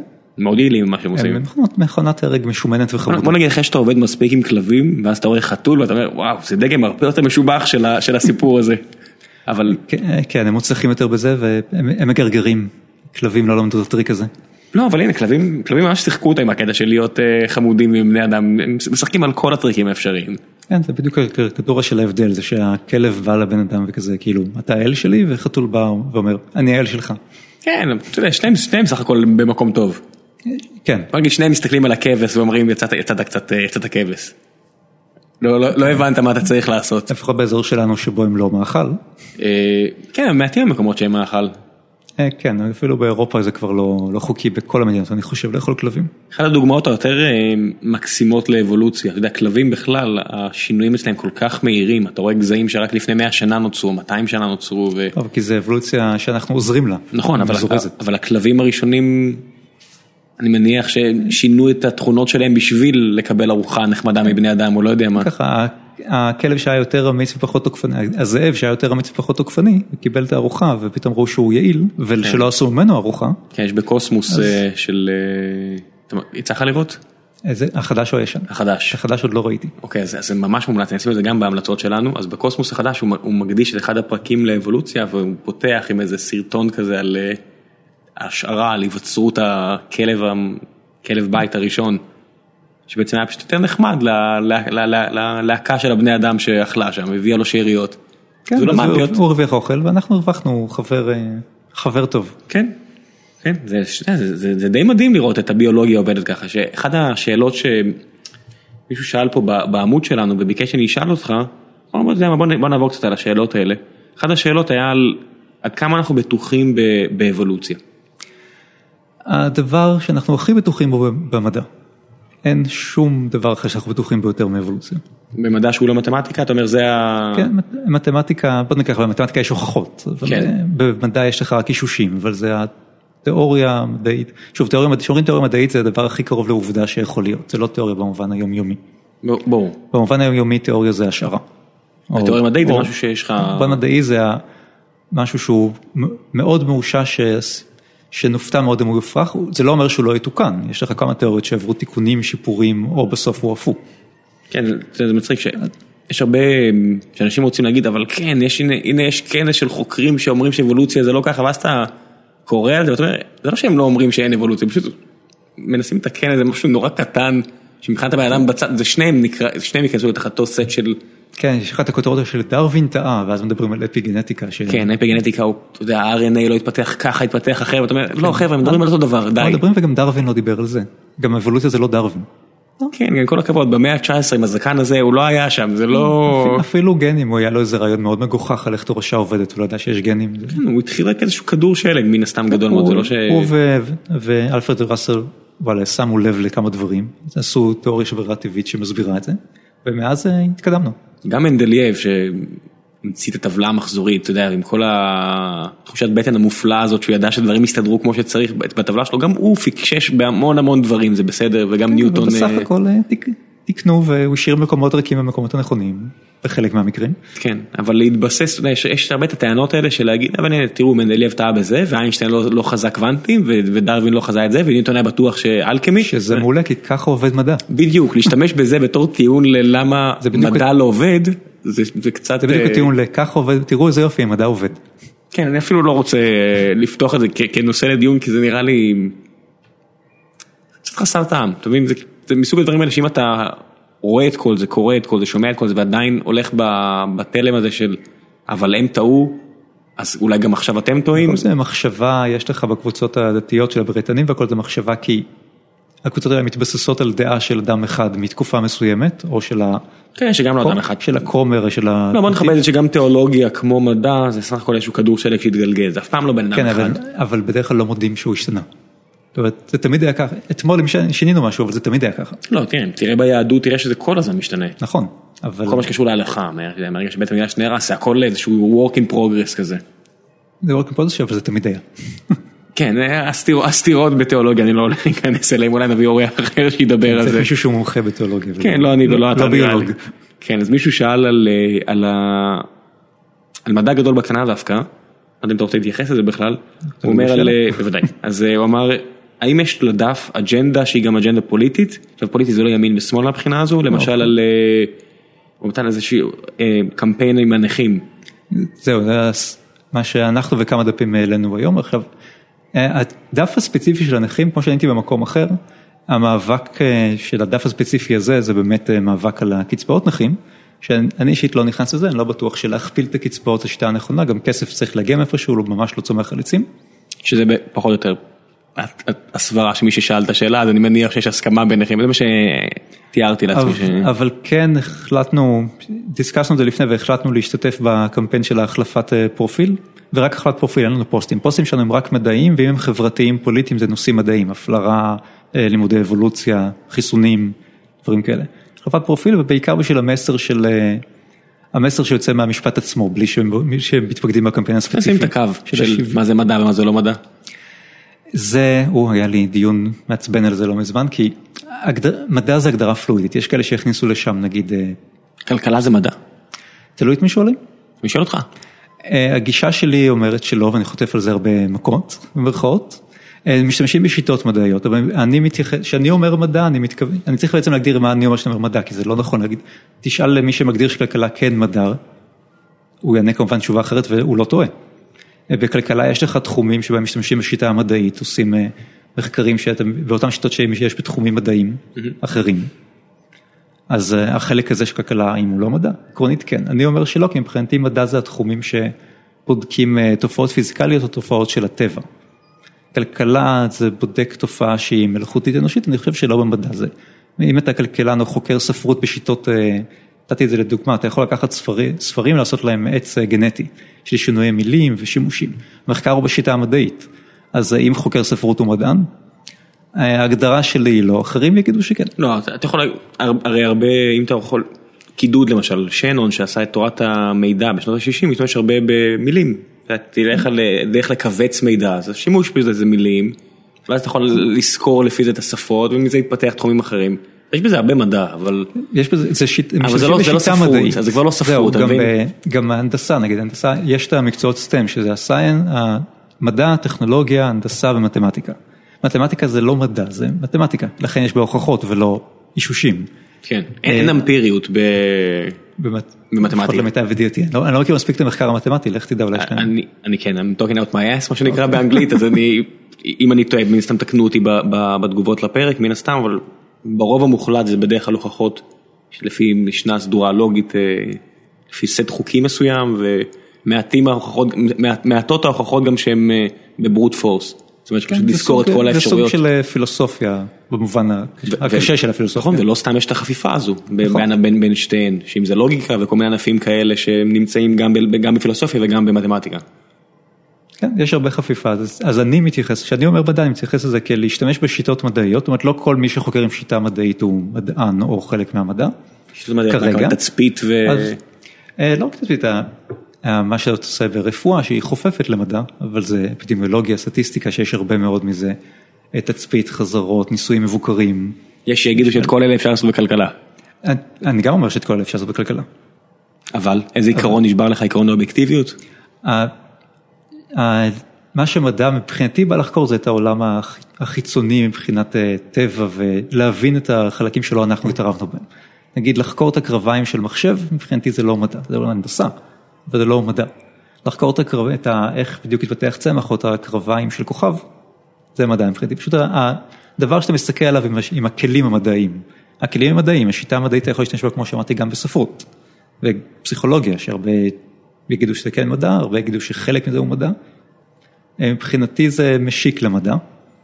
אבל זה עניין יותר סמנטי. זה לגמרי סמנטי? לכן זה עושה ויכוחים אינסופיים, כי נגיד היה איזה דיון עם אה, מישהו שהוא פסיכולוג אני חושב, והוא בגישה שזה מדע ושכלכלה זה מדע, אני בגישה שזה לא, והוויכוח אינסופי כי זה רק גישה, שנינו צודקים. כי אם אתה בא לטיעון, אם, אם אתה רוצה להגדיר כמוהו, כל מה שיש בו כלים מדעיים הוא מדע, אז הוא צודק. אבל אני מוסיף את זה. שאני גם מגדיר את המשקפת שבה... מהבחינה הזאת ספורט זה מדע? אה, יכול להיות שיש לך חקר ספורט שהוא יהיה אה, מדעי. זה כמו רפואה, חלקים... לא, לא, אני מדבר מאמני פוטבול אה. אמריקאים, מהבחינה הזאת הופכים להיות מדענים, כי... אני חושב שאומנם הם הוציאו כתבות נהדרות בזכותם, על פיזיקה, בייחוד עם סימון. אתה רואה, כאילו, אתה יודע, כל ה... אם כלכלה זה מדע, מהר מאוד אתה יכול להגיע למצוא תיאוריות שיגידו שגם מאמני פוטבול הם מדענים. זה, אני לא בטוח שהם עובדים בשיטה המדעית, במתודה מדעית בצורה... אתה שווה לבדוק, אני לא רוצה סתם לקשקש פה, אני אחשוב על זה לעומק יותר. כלכלה מבחינתי בשיטה מדעית, אבל אני לא קורא למדע בגלל ההגדרה שלי, שיש עוד הרבה אנשים שחולקים אותה, אבל היא לא היחידה וזה לא אומר שדווקא אני צודק. זה פשוט, כשאני אומר מדע לזה אני מתכוון. לפיזיקה, ביולוגיה, כימיה, נוירו, כל הדברים. אז אתם מגבילים בעצם את הדף, לפי מיטב ידיעתך? קודם כל יש לנו ארכיאולוגיה, זה מדע או לא? יש לנו ארכיאולוג בצוות של הדף, אבל הם כן משתמשים בשיטות מדעיות, נכון. פעם לא היה, היום יש הרבה יותר שיטות מדעיות בארכיאולוגיה. תיארוך פחמני או חצי חיים, אתה יודע, כל הדברים האלה, מן הסתם זה שיטות מדעיות נטו. כן, יש כלים מדעיים לחקור אבל תרבות אנושית. אז כמו סוציולוגיה שקוראים לזה, זה חלק ממדעי החברה. זה כמו להשתמש בסטטיסטיקה והסתברות בפסיכולוגיה ולהגיד הנה. אז זה בדיוק איפה אתה, איפה שמים את הגבול, נראה לי שאתה שם את הגבול יותר כמוני, ואנשים שהתווכחו איתי שמים את הגבול באופן ברור במקום אחר. אוקיי, אז כיסינו את זה. אני בטוח שהארכיאולוג שלנו בדף מגדיר את זה כמדע, ואני לא אתווכח איתו על זה. שיגיד מה שהוא רוצה. הדמיון הגנטי בין תפוצות היהודים בעולם ואף לפלסטינאים, בום. אוי גוד, כן, מה? קיים או לא קיים? זה הכרזה או שאלה? קיים או לא קיים? כתבתי על זה לדוידסון, אני חושב, וגם התראיינתי על זה. כן, אני מרגיש שהמאזינים שלנו עשו את השיעורי בית שלהם. עשו שיעורי בית. כן. דמיון גנטי, נתחיל בתשובה המעצבנת. יש לנו אב קדמון משותף, יש דמיון גנטי בין כל בני האדם. התחלת עם זה שאנחנו דומים לבננה, אז אתה יודע, זה לא כזה חוכמה. בלה בלה בלה. כן. הכוונה זה עד כמה אנחנו דומים. כן. אז... כמה אחורה בעץ, בוא נגיד. כמה אחורה הולכים, מה בוחרים להסתכל עליו, כי גם אני יכול נגיד לבדוק לי רק את הכרומוזום Y שנמצא רק אצל זכרים, ולמצוא שאני מאוד קרוב נגיד למוצא מזרחי כלשהו, כמו שאיזה ראש ממשלה מסוים עשה. או יותר נכון אח שלו עשה. היה איזה מחקר די מעניין שעשו את זה על יהדות הודו. על הודו אני לא מכיר, אני מכיר על שעשו על תימן, לא? עשו גם על הודו? אז עשו על הודו והראו שמה שקרה שם שהיו או רק גברים או רק נשים והתערבו באוכלוסייה המקומית וזה בעצם יהדות הודו.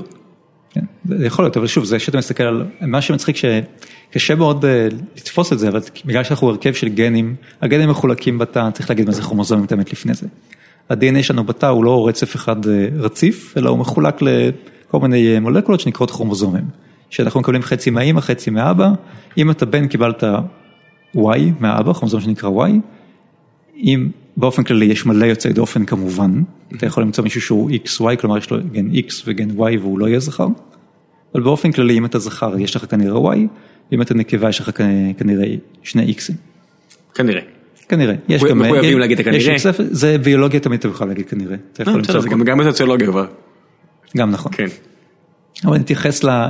תמיד קל לדבר על קצוות, אז נתעלם מכל היוצא דופן כרגע. אז אתה יכול לקחת, אם אני אסתכל על כרומוזום Y שהגיע מאבא שלי, הוא יראה שאני קשור משפחתית לאבא שלי, למשפחה שלו ולמישהו קרוב, ועד שנגיע נחזור מספיק אחורה, אולי נגלה, לא בדקתי את זה, אולי נגלה שהמקור שלו הוא בכלל ספרד, סתם דוגמה. כשאתה אומר נגלה אחורה, לצורך העניין אתה בעצם מחפש מה איזושהי מוטציה שאפשר לראות את ההתפצלות שלה, או כל מיני דברים כאלו? כן, ה-DNA הוא רצף, הוא משתנה כמו אם שיחקת אי פעם טלפון שבור. אז המסר משתנה באקראי או לא תמיד באקראי, יש איזשהו שינויים שאתה יכול לחזות כמה רחוק זה מהמסר המקורי לפי כמות השינויים שיש, את כמה המשפט שונה. אתה הולך אחורה רק כשאתה מוצא איזשהו מוטציה כלשהי וזה בעצם הנקודת יציאה שלך ל...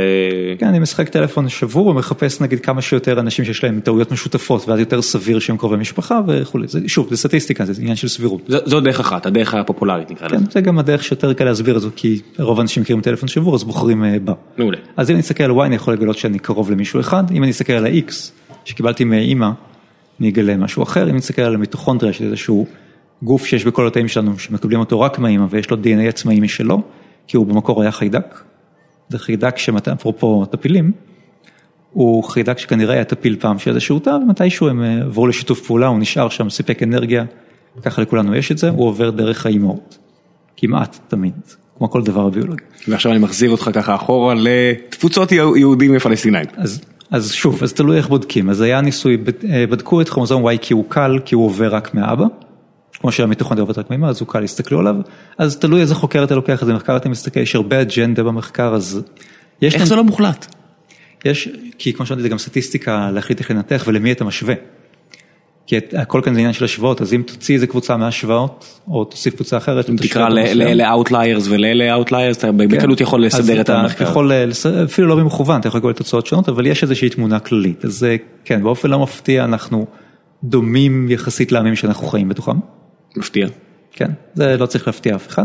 יש גם נקודות שונות, יש נגיד אה, משהו, שינוי ב-Y שמאוד נפוץ בכהנים. עכשיו לפי התנ"ך הם הולכים יש כהן אחד, זה הגיוני, Y זה הגיע ממנו, עבר בכולם. הבעיה שיש שני כהנים לפחות כאלה, זאת אומרת יש שני ויים שונים שנפוצים לכהנים, ויש את זה גם לאנשים שהם לא יהודים בכלל והם לא כהנים, אבל הם מהאזור שלנו. אה, ירדנים למשל, לחלק מהבדואים הירדנים יש את זה. אני יכול לחשוב על תיאוריה שבה זה יקרה. כן, יש כל מיני דרכים שבהם זה קורה, אבל נגיד ש... זה לא פילגש, קורה.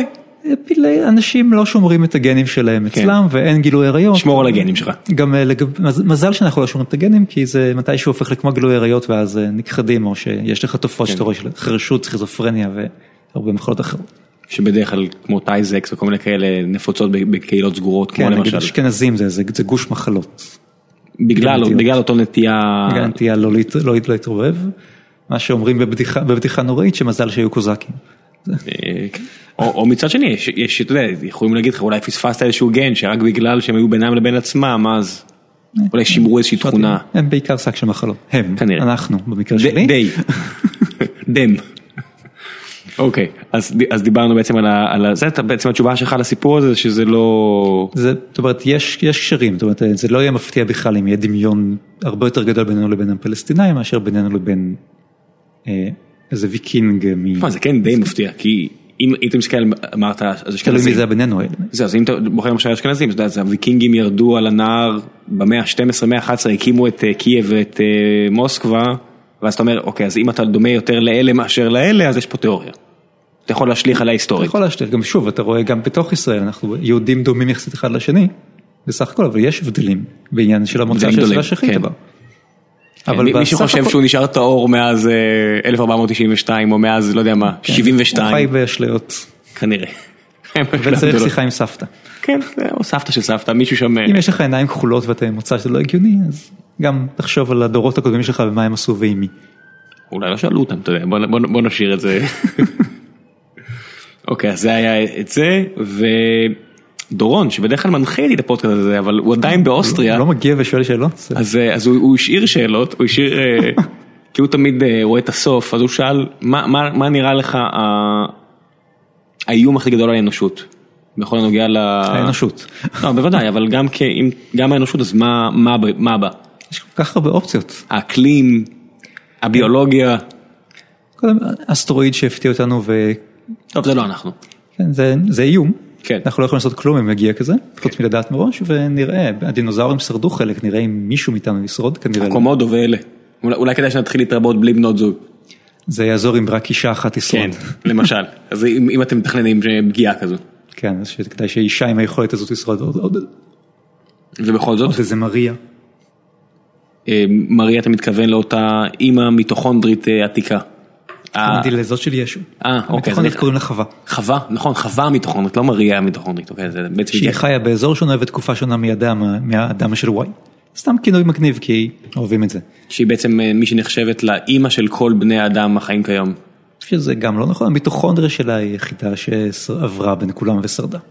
שמה זה לא בעצם... יכול יכול להיות שיהיה לך, שיש לך גנים שהגיעו מאמהות אחרות, דרך הבנים שלהם למשל, אבל אותו חלק שעובר רק דרך האימא, שרדו רק הצאצאים, או לפחות לא מצאנו אף צאצא אחר. זה לא כזה מפתיע, היו מעט מאוד בני אדם פעם. אה, אנחנו היינו קרובים מאוד להכחדה יותר מפעם אחת. הרבה פעמים, אנשים שוכחים שלפני מה, 8,000 שנה יריחו הייתה העיר הכי גדולה בעולם. עם כמה אלפי פרטים. זה לא, זה לא היינו אפילו פחות, היינו באפריקה כמות נורא קטנה אחרי כמה אסונות. של כנראה מאות או אלפים בודדים. אז היינו יכולים או להיכחד, אבל זה, זה העניין של האקראיות. כנראה ששם גילוי עריות היה פחות פראונד. שם לא הייתה ברירה אלא. כן, כן, שם פחות אמרו, היו פחות בררנים. אבל סון, אתה תמיד יכול לקחת לך השינוי אקלים שעושה רושם שעושה לנו צרות בין היתר בגלל דברים פיזיקליים כמו טמפרטורה וגם כי שמפשירים כל מיני קרחונים מחלות שחשבנו שנעלמו יכולות לחזור. או, דב חנין היה פה שבוע שעבר, הוא דיבר על, על שינוי האקלים במשהו שנורא קרוב לליבו.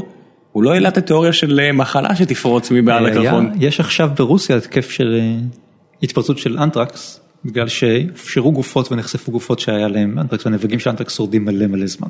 או so they say.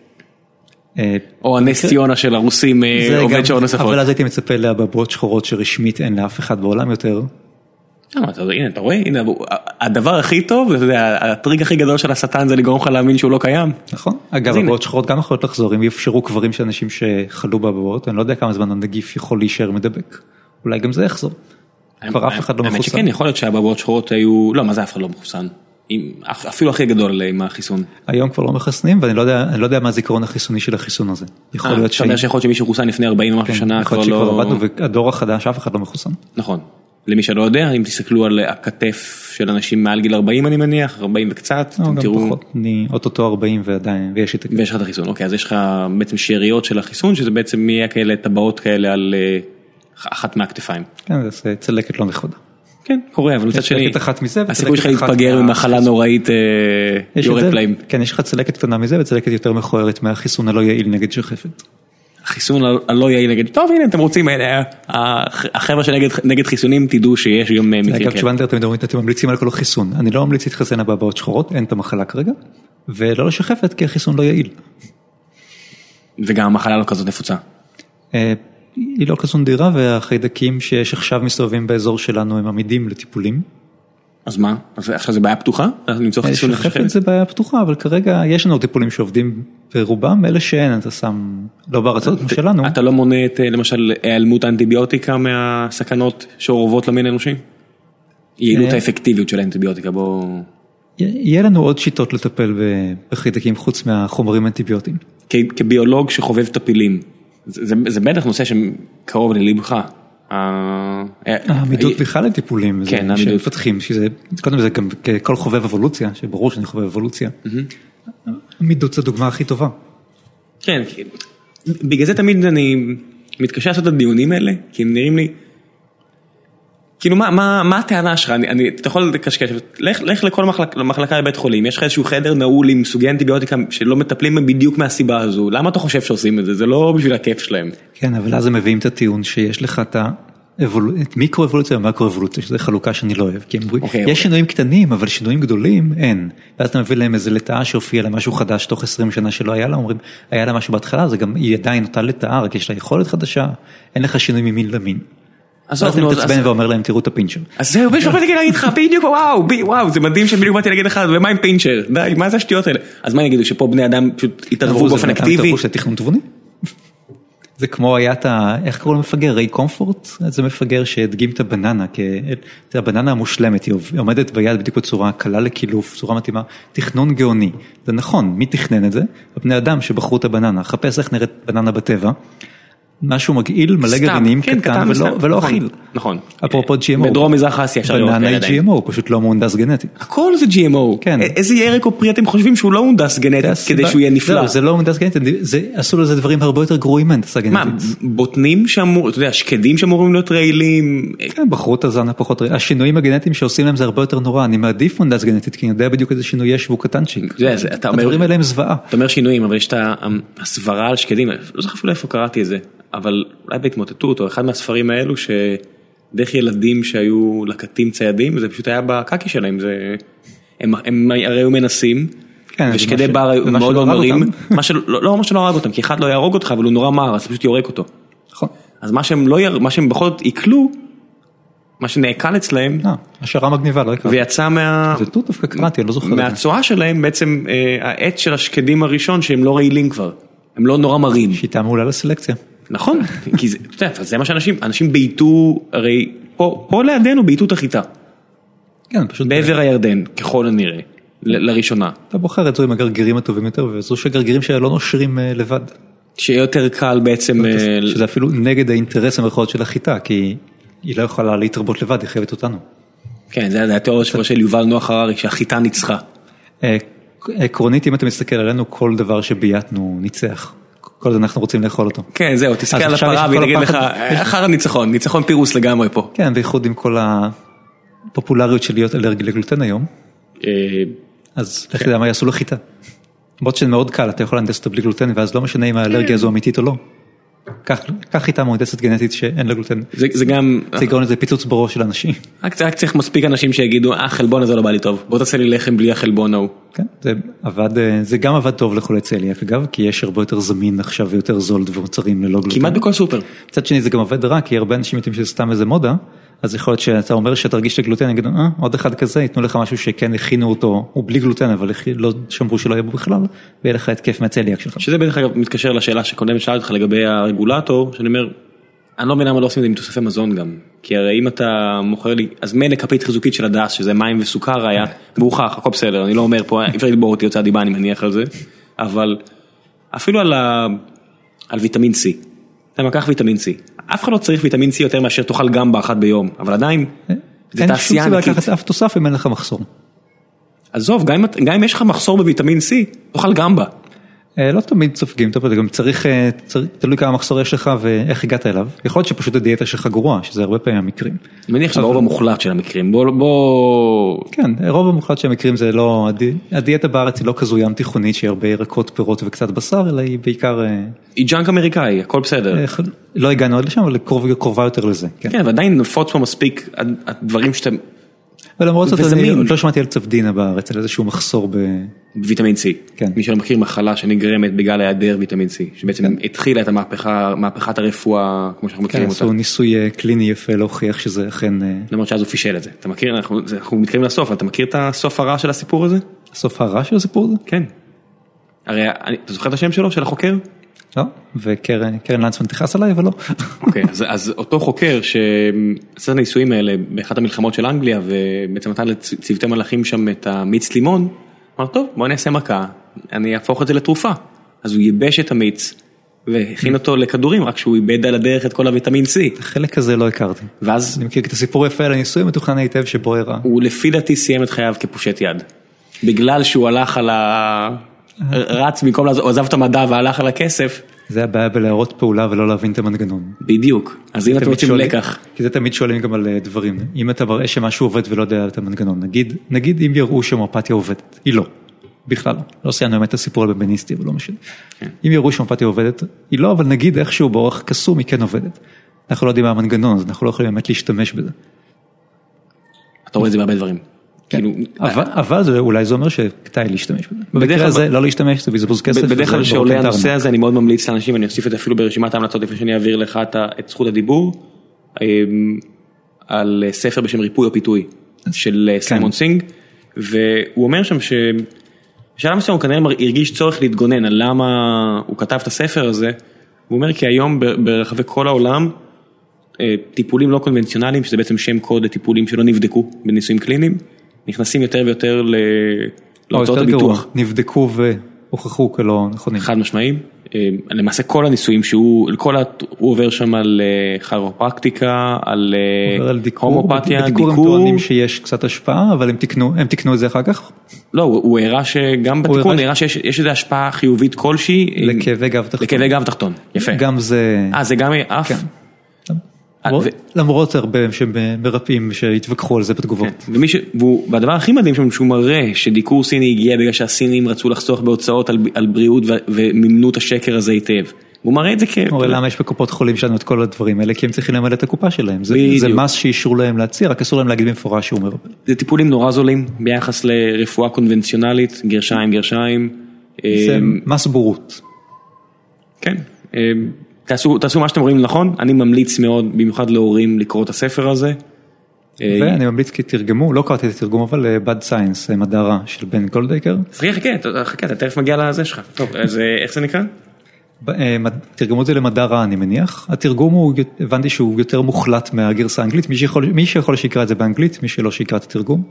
אם אתם יכולים תשמעו את זה אפילו באודיבול, הם לא משלמים לי אבל אני מאוד נהנה מהמוצר שלהם. שישמע את זה באנגלית. כן, זה, זה יופי של מוצר, מאוד ממליץ לכם. אמ, אוקיי, אז אנחנו כבר ממש מתקרבים לסוף, אז בוא בכל זאת תן את ההמלצות שלך. מעבר לאלה, יש לך עוד משהו שאתה רוצה להמליץ? מעבר לאלה. הבלוג שלך. אני לא חושב שסיימנו להשמיד את העולם אפילו. לא, אנחנו לא הולכים לשום מקום, אל תדאג, לא אתה ולא אנחנו. הכי גרוע תגיע לפה שוב וניתן עוד שעתיים כאלה, אבל אנחנו עדיין צריכים לתת המלצות היום למאזינים שלנו. קודם אם רוצים בלוגים בעברית בנושאים כאלה, יש את הבלוג שלי שאני בכלל לא משוחד וממליץ עליו.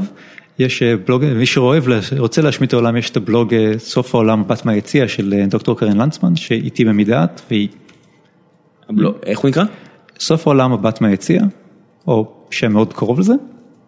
של דוקטור קרן לנצמן. זה אם אתה רוצה להשמיד את העולם ממחלות זו הכתובת. תמיד שאיפה ראויה. עכשיו הבעיה זה עם כל אלה שאני לא אזכור להמליץ עליהם ואחרי זה יננו. וכשמישהו אומר את ה... בדרך כלל משפטים כאלה אני מאוד ממליץ על סדרה בשם אוטופיה, סדרה של ה-BBC שבה, אני לא אהרוס לכם יותר מדי, אבל אנשים שמתייחסים לבני אדם כמו שאתה מתייחס לנגיפים ומחפשים פתרון לזה. וזה הרבה יותר, זה פי כמה יותר טוב מאיך שאני מתאר את זה כי זה. סדרה סופר אסתטית וכתובה נפלאה וזה לפי המסורת הבריטית זה גם כולה שישה פרקים כפול שניים. זה כבר טוב. אז לא צריך, זה לא התחייבות נורא גדולה וזה באמת, לא אגיד פאר היצירה, באמת סדרה נפלאה ואני מאוד ממליץ עליה. אוטופיה של ה-BBC מהשנים האחרונות, פנטסטית. נחפש. מאוד אסתטית גם. אוקיי, עוד המלצות? נראה אם יש בנטפליקס. מבחינת בלוגים יש את חשיבה חדש של גלעד דיאמן, שזה אם רוצים ספקנות, לחפש משהו ספקני על הומואפתיה, דיקור או הרבה נושאים אחרים, רוב הסיכויים שכבר יש את זה שם. ומוסבר טוב. מדע פופולרי סתם, אז יש את המדע גדול בקטנה, לא מפתיע שאני ממליץ עליו. יש מי שרוצה יכול לעקוב אחריי, אחריי בפייסבוק אם רוצים, אבל שם יש חוץ ממדע פופולרי גם כל מיני שטויות גיקיות. אני מניח, אני אאמר שחלק ניכר מהמאזינים שלנו, יש חפיפה כלשהי, יש חפיפה כלשהי, כן. בהתחשב בשם. למרות שאנחנו נגיד לנו שהחפיפה לא מושלמת, אני מצטער, אבל זה קורה, חבר'ה אם אתם לא גיקים. תישארו איתנו, אנחנו לא רוצים להרחיק אתכם. כן, שתדלגו על הפוסטים הגיקים. כן, הכל בסדר. יש, הזכרת קודם את מכון דוידסון, יש את האתר של מכון דוידסון. נכון, מה עוד? יש, בוא נראה, מבחינת דפים, כמובן האתר של מידעת לדברים רפואיים או חיסונים, אז יש, יש אתר למידעת, יש את הפייסבוק ויש קבוצה שנקראת מדברים על חיסונים, שמנוהלת על ידי מידעת, ומיועדת לכל מי שחושש או יש לו שאלות על חיסונים, הפחידו אותו, צריך הפרחה, צריך ייעוץ, אז יש שם מלא. אתם עוזרים להורים האלה שאומרים, זה מה משנה אם אני לא אעשה אם כל השאר עושים. כן, גם לאלה, גם לאלה ששואלים למה לחסן, למה להזריק פעמיים ולא לפצל, פשוט למה לנסוע שוב ולדקור את התינוק עוד פעם אחרי יום, אם אפשר באותו יום כבר לגמור עם זה. על ההשפעות, על כל מיני, ההפחדה הקלאסית חיסונים, שתמיד השקר בגלל המחקר המזויף שרק כאילו חיסונים עושים אוטיזם, שגם אפילו המסקנה של המחקר המזויף היא שזה לא, אבל לא משנה. אז להרגיע הורים, כי המתנגדי, הגרעין של מתנגדי חיסונים, לא ההורים שהבהילו אותם, אלא אלה שאני מכנה אותם במעודדי מחלות, כי ממש הגרעין הקשה שמטעה אנשים, אז הם מנפנפים במחקר הזה בכל מקום ומשכנעים אנשים שהוא אמיתי. זה בדרך כלל נכון על בני אדם בדרך כלל, אני, אני כן אסייג להגיד שיש מקרים למשל כמו כלבת אצל כלבים, שלמשל כנראה ולא צריך לחסן כל שנה ועדיין יש פה סיכולים אחרים שנעשים. כן, אתה גם לא תרצה את הסיכון ש... איזה חולדה שהצליחה איכשהו לשרוד ונגוע בכלבת, נגעה בכלב ולא תדע, וזה, כלב זה מחלה, אם נתעלם מהסיפור על השני, שניים וחצי אנשים שלא מתו ממנה, מאה אחוז תמותה. כן, לא, אז, אז אני מכיר, אני אגיד לך למה אני אומר את זה, כי שירתי בצה"ל בעוקץ, ואצלנו הווטרינר תמיד אמר, ש... ואני מניח שיש לו את ה... שפעם בשנתיים זה good enough ב... אה, מבחינת הזיכרון, החיסון, כן, הזיכרון, החיסון, שזה מאה אחוז אה, בצה"ל לפי מיטב ידיעתי, אמנם עברו הרבה שנים מאז שהייתי אבל... טוב וטרינר אני לא, אני לא יודע כמה זיכרון החיסוני של החיסון. אז הוא אומר שצריך לחסן פעם בשנתיים או שלוש, אני לא רוצה להגיד במדויק, אבל באזרחות, אני עושה פה עם גרשיים, הם מחייבים את בעלי הכלבים או ממליצים להם לחסן כל שנה ויש פה שיקולים כלכליים, אז... זה הבעיה... זה עניין של ארגון, אבל החיסון כן. עצמו לא אמור להזיק. לא, לא, הוא לא מזיק. זהו, לכן זה לא כזה משנה ש... זה רק העניין של כל כמה זמן עושים אותו. זה הכל. אני אומר, ברגע שמשתרבב גם עניינים של כסף, זה פוגע ביכולת של אנשים כמוך להגן על מוסד החיסונים נקרא לזה. כסף, כסף תמיד מפריע, אבל השיקולים הכלכליים הם משניים כאן, נגיד אם יראו שחיסון הוא יעיל, אז ייתנו אותו. אם, אם ירצו לחסוך וירצו לתת לך כמה חיסונים במכה באותו יום, כי זה לא מזיק וכולם יעילים, זה גם חוסך לך יום עבודה. נכון. חוסך להם כסף, חוסך לך יום עבודה. וחוסך לילד טראומה על רצף כמה כן, ימים. תשאל, תמיד תצטרך לשאול את האינטרס גם, של מה, אם האינטרס הגיוני, אז תניח שאם היו יכולים היו עושים. כן, אני גם, עם כל הסיפורים שיש, אף אחד לא רוצה לתת חיסון שגם יגיע אליו ויהרוג את הילדים שלו, או, ושאתה מזדקן, החיסונים של האחרים, מה שמגינים עליך. תראה אוטופיה, אני לא רוצה להגיד יותר. טוב, אף אחד שהוא לא סדרת מדע בדיוני בריטית. כן. לפי, מקווה שזה רק סדרה. לא דוקומנטרית אני מקווה. אני רוצה, לא, מאוד מקווה, מאוד בטוח, יותר מדי אסתטי מכדי שזה יהיה דוקומנטרי. אני אמליץ על סרט שראיתי לאחרונה, ואם אתה רוצה גם תן גם המלצות כאלו. Captain Fantastic, שמעת על זה? שמעתי, עדיין לא ראיתי. רציתי להמליץ על זה בפרק הקודם שאירחנו את דוב חנין שזה הרבה יותר רלוונטי לשיחה איתו, אבל כיוון שלא עשיתי את זה אני אכה על חטא ואמליץ פה. סרט סופר מעניין שלא עושה לעצמו הנחות. הוא מדבר על נושאים יותר קרובים למשנתו של העורך הקודם שלנו, אבל הוא לא עושה לעצמו הנחות מהבחינה הזו. הוא כן גם בוחן לעומק את ההנחות האלה ותוקף אותן בצורה מאוד מעניינת ואחלה סרט, מאוד ממליץ. אוקיי. טוב, נראה לי הגענו לסוף, אנחנו קצת בחריגה, אבל נראה לי היה סופר מעניין ואני מקווה שנהנתם, אז תודה לך, נועם. תודה רבה. דוקטור לוויתן, שזה לגמרי, דוקטור לוויתן זה לגמרי, זה כל כך מוצלח שאני אומר כאילו, כואב לי לא להשתמש בזה. מישהו יואב מורן הכין לי איזה תמונת פרופיל של לוויתן דוקטור. הבנתי. מאוד מוצלחת. מה זה לוויתן דוקטור? כאילו... פשוט לוויתן עם... עם מה, עם המעיל האנגלי? עם המעיל האנגלי, וכי זה שם של סופר וילן, אז גם עם נשק כמובן. כמובן. אוקיי, אז בנימה זו, תודה רבה שהאזנתם, נתראה בשבוע הבא. ביי.